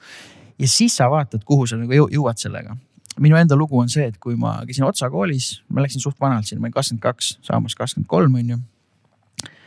oled seal Otsa kooli hoovis, teed suitsu, jood õlut on ju pärast kooli. ja noh, räägid mingi trummivideodest, et oh vaata, kuidas see tüüp mängib ja noh, sa räägid nagu ta oleks Marveli filmist ja neil oleks üli, üli, üleinimlikud võimed ja siis üks trummivideo, millest ma rääkisin, mängisin seda, siis see oli september ja ma juuni alguses mängisin seda eksamil nagu üks-ühele maha.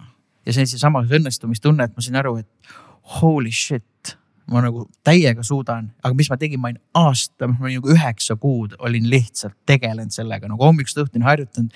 ja siis seesama see õnnestumistunne, et ma kartsin tegelikult seda õnnestumist. Ja siis ma, see oli esimene hetk, ma arvan, see oli üks suuremaid üllatusi, kus ma aru, et ükskõik, kes mu iidolitest ei ole supervõimega tüübid, nad on lihtsalt sitaks vaeva näinud. Ja siis tekkis see küsimus, kui palju oled nõus sina vaeva nägema sest see üheksa kuud andis mulle selle, et ma nägin, noh, ma olin niimoodi, et üles hommikul plaks kooli, harjutad, harjutad, siis poole kohaga tööle, viimase trolliga koju, mu üheksa kuud, ma ei teinud mitte midagi muud, vaata. noh, nädalavahetusel panid pidu veits, kontserte andsid alternatiivbändidega ainult. ja see õppekurv oli lihtsalt nii rets siis ma üritan nagu enda õpilastelt võtta üks asi, proovi see mingi kaks kuud, kolm kuud tegelema ainult selle asjaga noh, ma luban sulle, et see nagu tuleb, see ei saa tulemata nagu jätta, aga ma arvan, väga paljud ei jõuagi selle kahe-kolme kuuni. seda annad alla ennem, nad on äh, siis ei tule, see on raske mm., vaata, ei tee.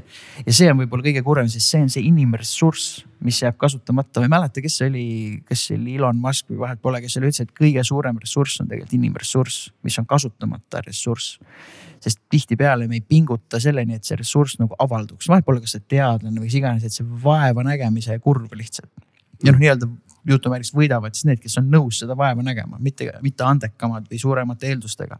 vaid kes on nõus selle kurvi nagu läbima mm. -hmm. ja see enesedistsipliin ongi see. jah, ja see kurb on mõnikord see, et sa pead seal New Yorgis ennast täis sittuma ja, ja see, kui, kui tuua korraks hästi praktiline aspekt ka sisse sellesse, mis sa rääkisid, et noh, et keskendu neli kuni kuus kuud, vaata, kus sa siis jõudnud oled. mida mina õppisin kunagi, kuna ma olen terve elu äh, trenni teinud ja väga huvitatud olnud sellest jällegi suurest tänu oma pinnapealsusele ja suuresti ka no terviseprobleemidele, et ähm, on noh, meie lihased, eks ole, õpivad väga lühikese ajaga ma teen täna natukene teen kätega niimoodi, homme mu käed on juba tugevamad, juba taastuvad sellest. aga kesknärvisüsteemil läheb kaheksateist kuud aega selle jaoks, et kui sa mingisugust uut nii-öelda liigutust või protsessi õpid, et ta päriselt suudaks selle omistada ja samamoodi nende asjadega, mis ei ole mitte lihased, aga nagu mitte ka liigesed, aga üks sõna on veel praegult ei tule mulle pähe, vahet ei ole.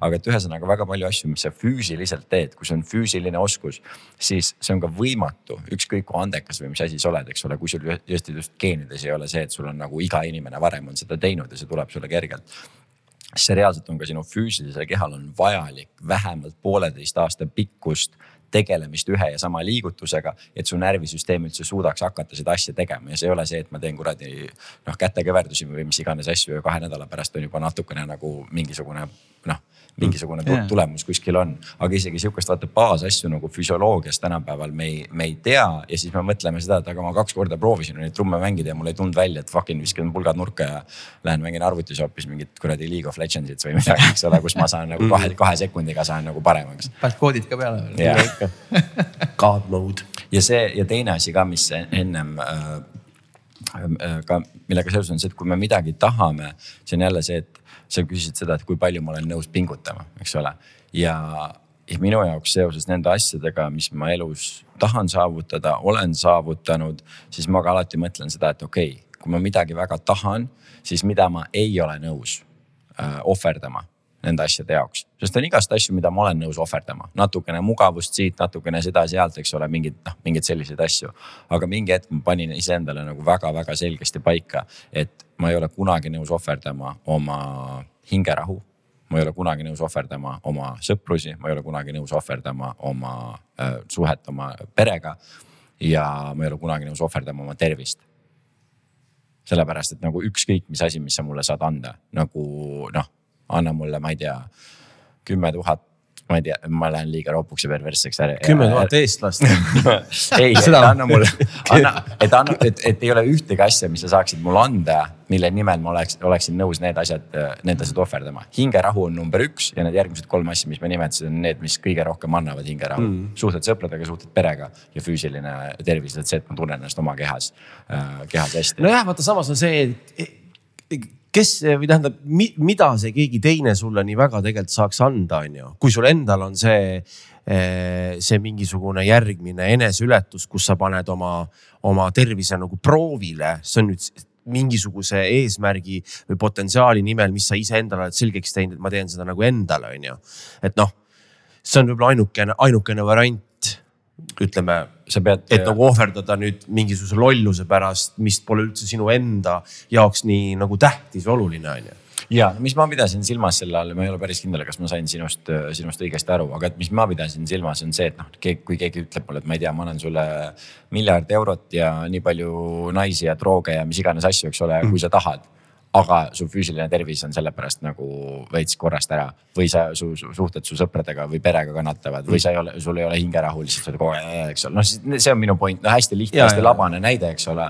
aga et on mingisugused asjad, mis on nii palju kallimad ja nii palju väärtuslikumad kui mingisugused mm. siuksed. mõtlengi, et väline, väline bullshit nagu ja. jällegi si, si, nagu sisulist täituvust ei tõsta ja ei loo stabiilsust, vaata vist nagu stabiilset sihukest mm -hmm. rahu on ju mm, -hmm. just selles mõttes mõttes, et see Just. uus skets ja kiire jutt, see on kaheks tunniks on lahe ja that's it, et noh, et me räägime sisulisest täituvusest, siis ainult sina ise, eks ole mm. -hmm. et noh, igasugune edu ja see, see ei kuulu absoluutselt mõttemaailma, see on tunne mm -hmm. ja tajumine. me võime seda mõttemaailma ka kirjeldada, okei okay, kuidas me nüüd nagu kehastume selleks, kuidas ma jõuan tundepõhiselt selleni mm, -hmm. et mhm. äh, mingisugune edu defineerimine, bullshit kõik mm. -hmm. see ei tähenda üldse seda, mida tegelikult mõeldakse, noh, ongi, et arusaamad lähevad nii ammu lahku inimestel, et kas me üldse, kas me saame aru, mida, millest me üldse räägime või no mis see, mis see, mis see tegelikult tähendab, tähendab, vaata, et see, see, see juba läheb seal puusse ja sinna ta tihtipeale jääb. sada protsenti nõus ja üks asi ka eelneva jutuga seoses, mis ma tahtsin ka öelda, et see, et kui sa ütlesid seda, et äh, kui palju sa näed, et sa inimesena nagu kasvanud oled, eks ole, et mõtled kahekümnendates olin poisikene, mis ma veel neljakümnendates mõtlen.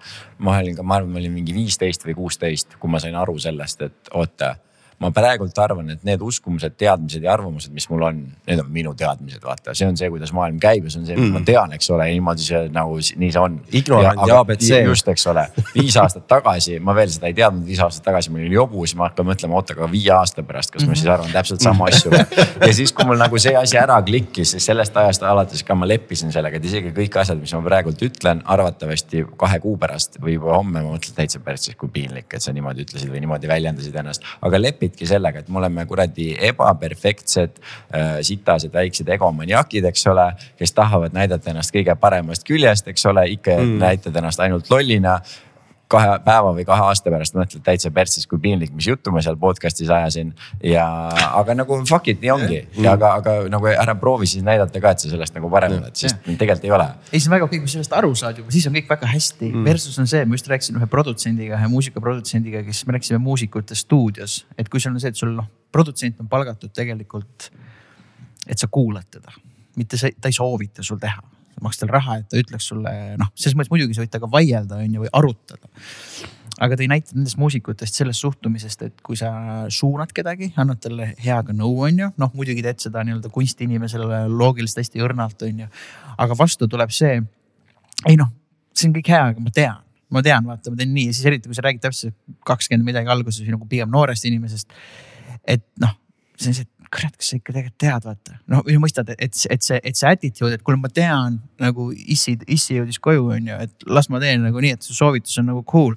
noh, et, et see, see ei tähenda alati, et see on õige või vale, see soovitus, aga kui sul on juba see mentaliteet, et kuule, ma tean eos palju paremini ärge keegi tulge mulle üldse midagi ütlema, mis annabki juba selle ju signaali, et sa ei ole no, õppimisvõimeline, sa ei ole vastu no,, sa ei ole võimeline vastu võtma kriitikat või siis nagu suunda, on ju, ja siis sa tegelikult oled nagu paigal nojah, ütleme niimoodi, et kui sul on sihukene siis nii-öelda siis inimene koos produtsendiga stuudios ja protsessi käigus nüüd siis see, kes siis nagu äh, see muusik seal siis nagu mängib või lööb ja ta tuleb niimoodi, et oh, oh ma tean, siis tegelikult see tähendab puhtalt seda, et produtsendi äh, tegemata eeltöö. et see mindset me sinna lähme, see üldse ei tohiks aset leida enam, see juba see arusaam ühel lehel peab juhtuma enne seda, kui me läheme ruumi midagi tegema tegelikult ja noh, see ma tean, on rohkem selline nagu ego värk, vaata. see tähendab, et sa lihtsalt nagu põhimõtteliselt ütledki, et noh, ma tean paremini kui teie kõik või kui sina. on ju, muidugi sa pead oma kohta seal teadma, on ju, selles mõttes, kas sa oled palgatud muusik, kes on toodud tegema nii, nagu sulle öeldakse. või sa oled artist, noh, seal on, seal on igasugused erinevad, erinevad äh, tasandid, eks ole, vahet pole, sa võid minna näitlemisse või, või kuhu iganes, on ju, et noh, kui režissöör ütleb, et kuule, et prooviks nii ja näitab ei noh, kuidas ma, ma tean, vaata mm. -hmm. ei no see eos ei toimi, sorry, aga see, see päev sai just läbi no, täpselt on ju. selles mõttes, me ei hakka siin aega. aga kui sa suudad ise nagu enda peas selle, noh, meil kõigil on ego moment absoluutselt on ju, et noh, ma olen ise ka ikka teinekord noh minevikus olnud ka, et pärast ah, kurat.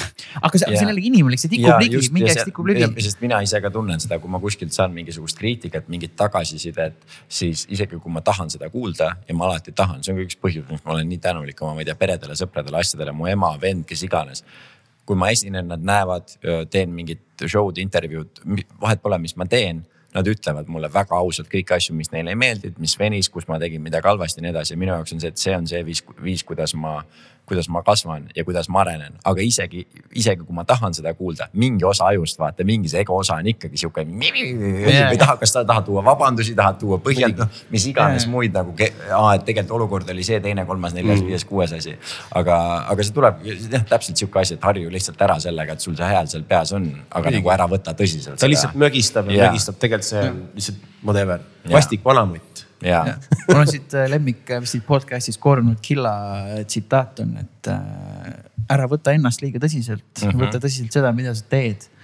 et see isegi minu jaoks oli väga muutev või ma olin täpselt. väga nice. ja et okei okay,, et noh, et kui sa lähed hängamas, et sellised cool dude nagu sa oled, mis iganes inimene sa oled, aga kui me hakkame asja tegema, no siis me oleme mm -hmm. noh, mega professionaalsed ja noh, mina olen eriti küll füürer või selles mõttes, et mulle meeldib mul trummarina peab olema on point, vaata, ma pean olema, asi peab olema täpne, asi peab olema, asi peab nagu noh toimima, on ju, sest vastasel juhul läheb asi ladraks ja siis see tulemus on juba küsitav, et kuidas see siis lõpuks välja kukub.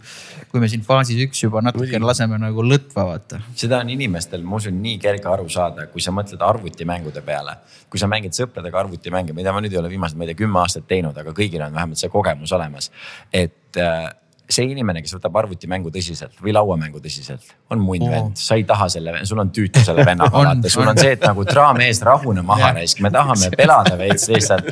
ja traa, sa lähed iga kord nii fucking närvi ära süüdistama klaviatuuri, ära süüdista seda valgu, no vaata, kõik teavad, eks ole, aga kui sa juba mängima hakkad, sa tahad, et sa mängiksid tõsiselt ehk siis ma tahan mängida oma oskuste piirilt, ma päriselt proovin, proovin võita, aga see on kaks väga erinevat asja mm.. et kas ma mängin tõsiselt või ma võtan mängu tõsiselt ja kui mm. ma olen mingi vend, eks ole, kellega ma ei tea, kuradi GTA-d või CS-i või mis iganes, eks ole, ma teen ja siis mul on lihtsalt, mul on pohhu, kas ma võidan või mitte, ma lihtsalt tulistan mm. ükskõik kuhu, eks ole, ja no teen mingi, seal on ka see, et sinuga ei ole ka fun mängida, sest sa ei paku mulle mm -hmm. pinget, eks yeah. ole, et sa pead mm. ikkagi, aga ongi õhk-õrn, piir mm kas sa võtad mängu tõsiselt või sa mängid tõsiselt? no näiteks võtame kiire tagasi, tagasiside poolest, väga hea näide on fucking jalgpall, vaata neid tüüpe, kui tõsiselt nad seda mängu teevad ja samas, kui tuleb värav, kui fucking õnnelikud ja rõõmsad -hmm. nad on, see on mm -hmm. nagu parim, see on kõige ilusam variant võib-olla ja arusaadavam.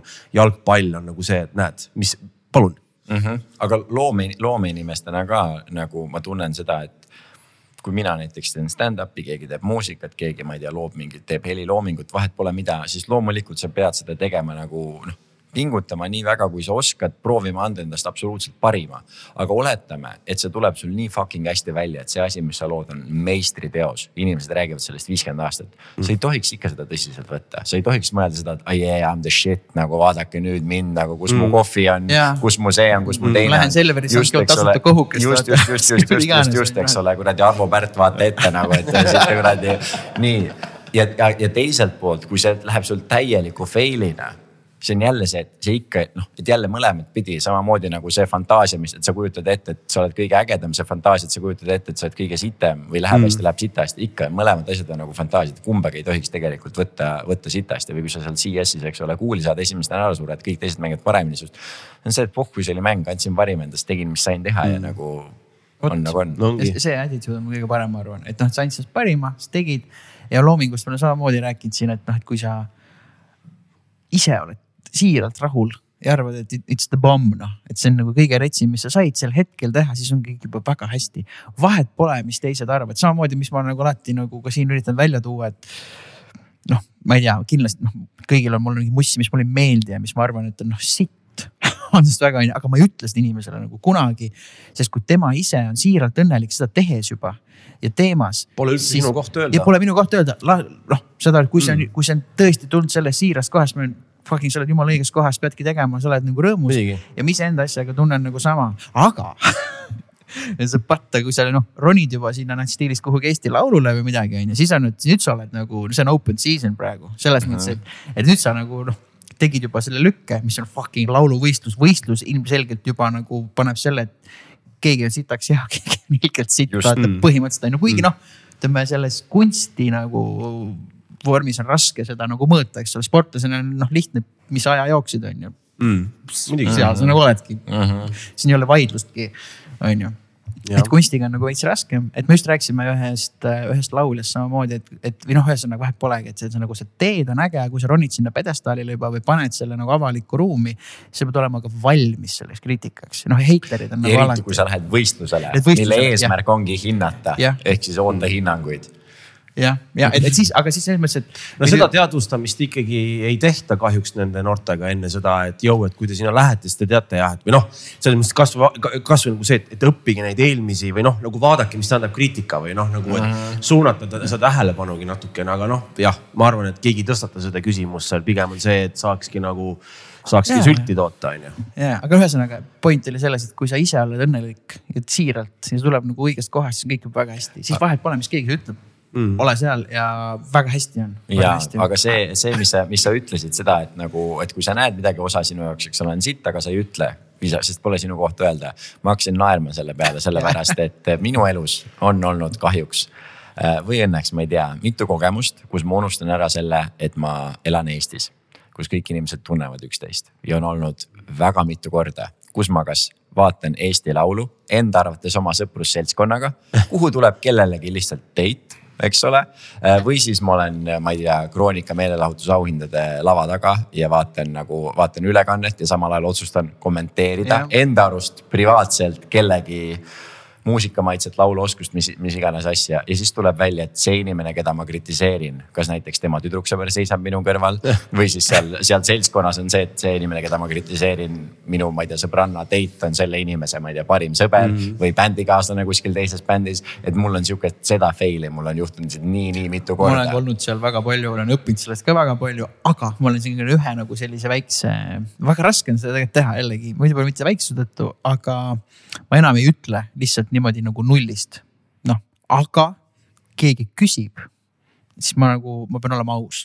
Mm.. kui, et siis, kui sa küsid juba, kui sa küsid mu käest, siis on, kas ma valetan sulle, on ju? Või siis ma ütlen sulle, aga kui sa küsid, sa pead olema valmis, et võib-olla see, mis ma ütlen, ei ole mega jee, jee, jee, vaata. Mm.. et, et ma, ma ei taha ka nagu halvasti öelda. ma tahakski anda nagu tagasisidet, onju, aga kui sa juba küsid, kui sa ise, kui sa ise küsid mm., siis sa pead olema ka valmis selleks, et võib-olla mulle üldse ei meeldinud, onju. ja noh, ühesõnaga, et mm. niimoodi jah, ühesõnaga me oleme kuskil lihtsalt nagu laiem, et oi, kuulasin seda, siis lükkame kõige pask raisk. no et, et, se- seda ma ei tea enam aastaid, noh mina tahaks, et ma oleksin selline inimene, aga ma olen see, et ma olen sihuke ka, ma olen nagu noh, suulihased selles mõttes ei seisa kinni, kui ma näen Ja, midagi, ja. mis mind häirib. Ma olen kümme minutit rääkinud enne seda, kui ma mõtlen, et oh my god, kes siin ruumis on, miks ma seda just ütlesin, äkki ma oleks pidanud enne mõtlema ja mis kõige fail im asi, mis ma üldse olen kunagi teinud, on see, et kui ma aru saan, et ma olen just kedagi räigelt maha teinud, kelle ma ei tea, elukaaslane minu kõrval seisab, on see, et ma proovin seda päästma hakata. sellega, et ma ütlen, oi, aga inimestele ju meeldib, mis see minu arvamus ikka loeb, et nagu ju nii popp ja nagu läheb inimestele peale ja ja kusjuures tead, mida see tegelikult näitab ja mis minu arust on kurb, on see just seesama point, et vaadake vaid kui kuradi tõsiselt inimesed ennast võtavad, kui kuradi sügaval iseenda peas ollakse igal sammul, kõhklused, hirmud, elu on pärsitud ja väiksed kommentaarid, hea huumor, südamepõhjani solvutud. on ju, minu arust on see kurb kujutad sa pilti, popmaailmas on teinud artistid päris palju sihukest head huumorit, omal ajal Eminem ja asjad. see on fucking nii lahe ja nii kuradi lõbus ja, ja mainib sul suuri nimesid ja inimesed solvuvad. et, et, et mul on kahju teist natukene, et te üldse nagu ei näe või te olete liiga pimedas, see on nii pohhui ja see on nii suva ja, ja uskuge mind, see tegelikult on jumala lahe nagu, mis siis, et mainiti sind, aga võib-olla mingi eriti kuradi ägedas loos, ägedas salmis sind mainiti, sa peaks uhkust tundma. just täpselt. Ja mina ühelt oma esimeselt sõbralt, kes kunagi nagu hakkas laialdasemalt tuntust tundma ja kuskil ka tuli mingi kriitika ka mingi suvalises kommentaarides ka veel eriti. see, et sa, oled avaliku elu tegelane, kind of, eks ole, avalik kriitika tuleb, mina küsisin talt selle küsimuse, et nagu kas sa pigem äh, lased enda peale haukuda või sa pigem oled see, kes haugub mm, -hmm. eks ole. et kui -hmm. sind häirib see, et keegi haugub kuskil, siis mm -hmm. mõtled, no mis teist rolli sa tahaksid mm.. eks ole, kas sa tahaksid ise olla see, kes klähvib, et mulle meeldib, mulle ei meeldi, mis iganes, sest tegelikult juba see, et sinu peale klähvitakse, näitab seda, et sa oled heas õiges kohas, eks ole, et see on tore, see on see roll, mille sa siin elus said yeah.. et sinu peale vahepeal klähvitakse. harju ära ja ongi kõik. absoluutselt, et sa ju ise ju näitled, näit-, nagu näitad enda karakterit veel ütleme, on veel siis inimesi, kes tulevad oma act'iga välja, teevad ja värgid-särgid see on jesus christ, et nagu, kus see enesekindlus on, kas see on fake või, mis kuradi äkt see sel juhul on?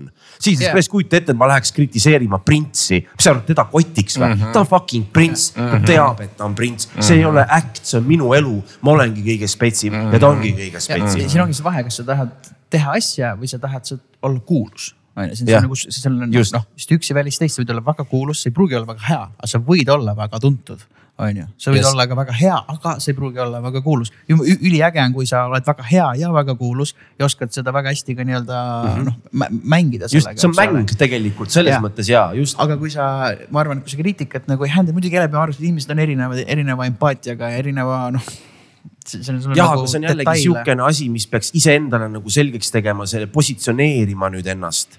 vot see ongi see, et, et kurat, ma ei tea me peaks vist ise mingi osakonna käima tõmbama, käradelt klotsi küsima ja hakkama inimesi harima, et jõu. sihuke nagu, nagu emotional training nagu e.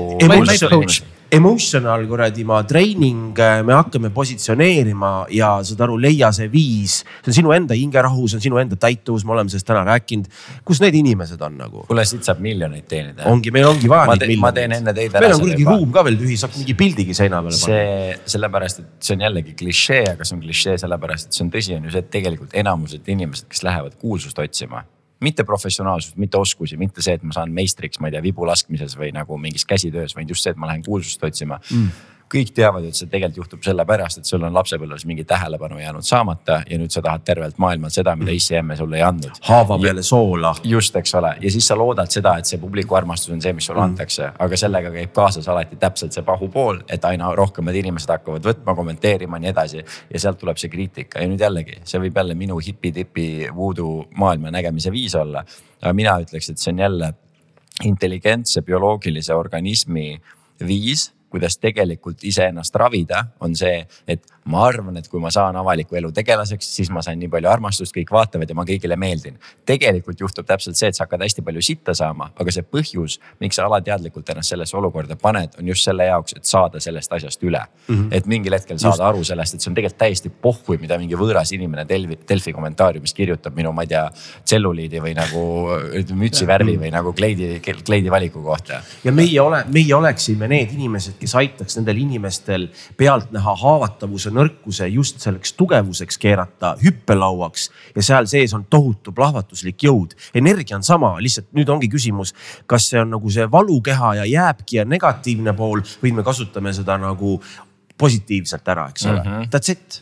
nüüd on ainult nime vaja. nüüd on ainult nime vaja. Enda üle nalja teha ja värki, just Ivo Linna öelnud, et kui, kui sind äh, vanast õhtusaatest parodeeritakse, siis sa oled nagu Eestis made it. see on selles mõttes kõige parem asi, mis saab juhtuda, kui seal nalja tehakse, et igavesti eestlaste nagu teaduses mm -hmm. ja sul on nagu karjäär ja kõik on nagu olemas. muidugi et, et noh, mina mäletan vist hästi, kui ma Koit Toomega mängisin ja mäletan seda Tujurikku ja seda paroodiat sellest nädala lõpust on ju yeah. me olime Koiduga laivil ja noh, vaatasime noh Koit on ka selline tundlik võib mõnikord olla, sest kogu bändiga hoidsime nagu hinge kinni, et kuidas ta nüüd reageerib sellele, vaata. aga ta oli noh ülikõva, noh et üliäge on ju, noh Havani tüübid, sõbrad ka ja siis me hakkasime tegema seda act'i nagu ta siiamaani teeb, et ta laulab intro enne kui lugu käima pannakse, laulab selle tujurikkuja sõnadega ja rahvale hullult toimib mm.. ehk ta sai väga hästi aru, mis just juhtus ja ta saigi aru, et täitsa pekkis, see on kuld praegu, see on nagu täpselt ja. see, mille jaoks versus noh, solvuda ära ja siis võtta sõna, et ei noh, ma ei tea, seal tehti mulle ja. liiga, vaata, see on geniaalne. inimesed, inimesed justkui arvaks, et nad elavad igavesti, et nad võtavad ennast nii kuradi tõsiselt ja kõik jääbki nii ja ma siin korraldan, teen, no gives a fuck, homme lähed piimapoodi, sõidetakse üle, sa oled surnud. ja,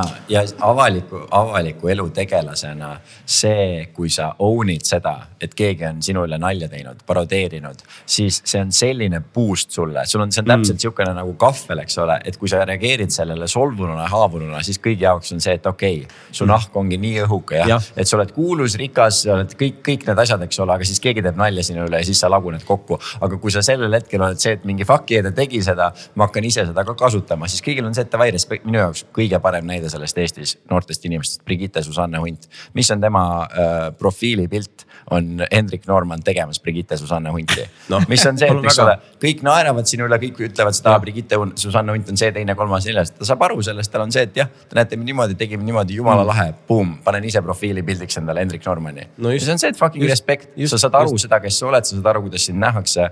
ja, ja minul on see, et ükskõik kes sa oled, ükskõik mida sa teed, ükskõik, kas ma arvan, et sellel mm. on väärtust või ei ole väärtust. kui sa ise own'id vähemalt seda, et mm. jah, selline ma olen, sellisena mind nähakse, siis mul on see, et respekt ja nagu tee edasi. absoluutselt, ei no näha on, tema teeb seda asja nagu väga teadlikult ja, ja tegelikult olgem ausad, seal taga on äh, ikkagi tohutu, tohutu töö sest noh, ma ütlen ausalt, kui me võtame visuaalselt või nii, see ei ole põhjus, miks ta on nagu tuntud vaid pigem tema seesama töö, needsamad trikid.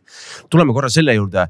Eh, see kohtlemine on see jällegi teadvustamise asi, mida me tihtipeale ilmselt unustame ja me kõik on see, et, et meie ju, äh, meie ju äh, näitame teistele inimestele, kuidas meiega käituma peaks. et kui sinuga saab niimoodi ümber käia mm, -hmm.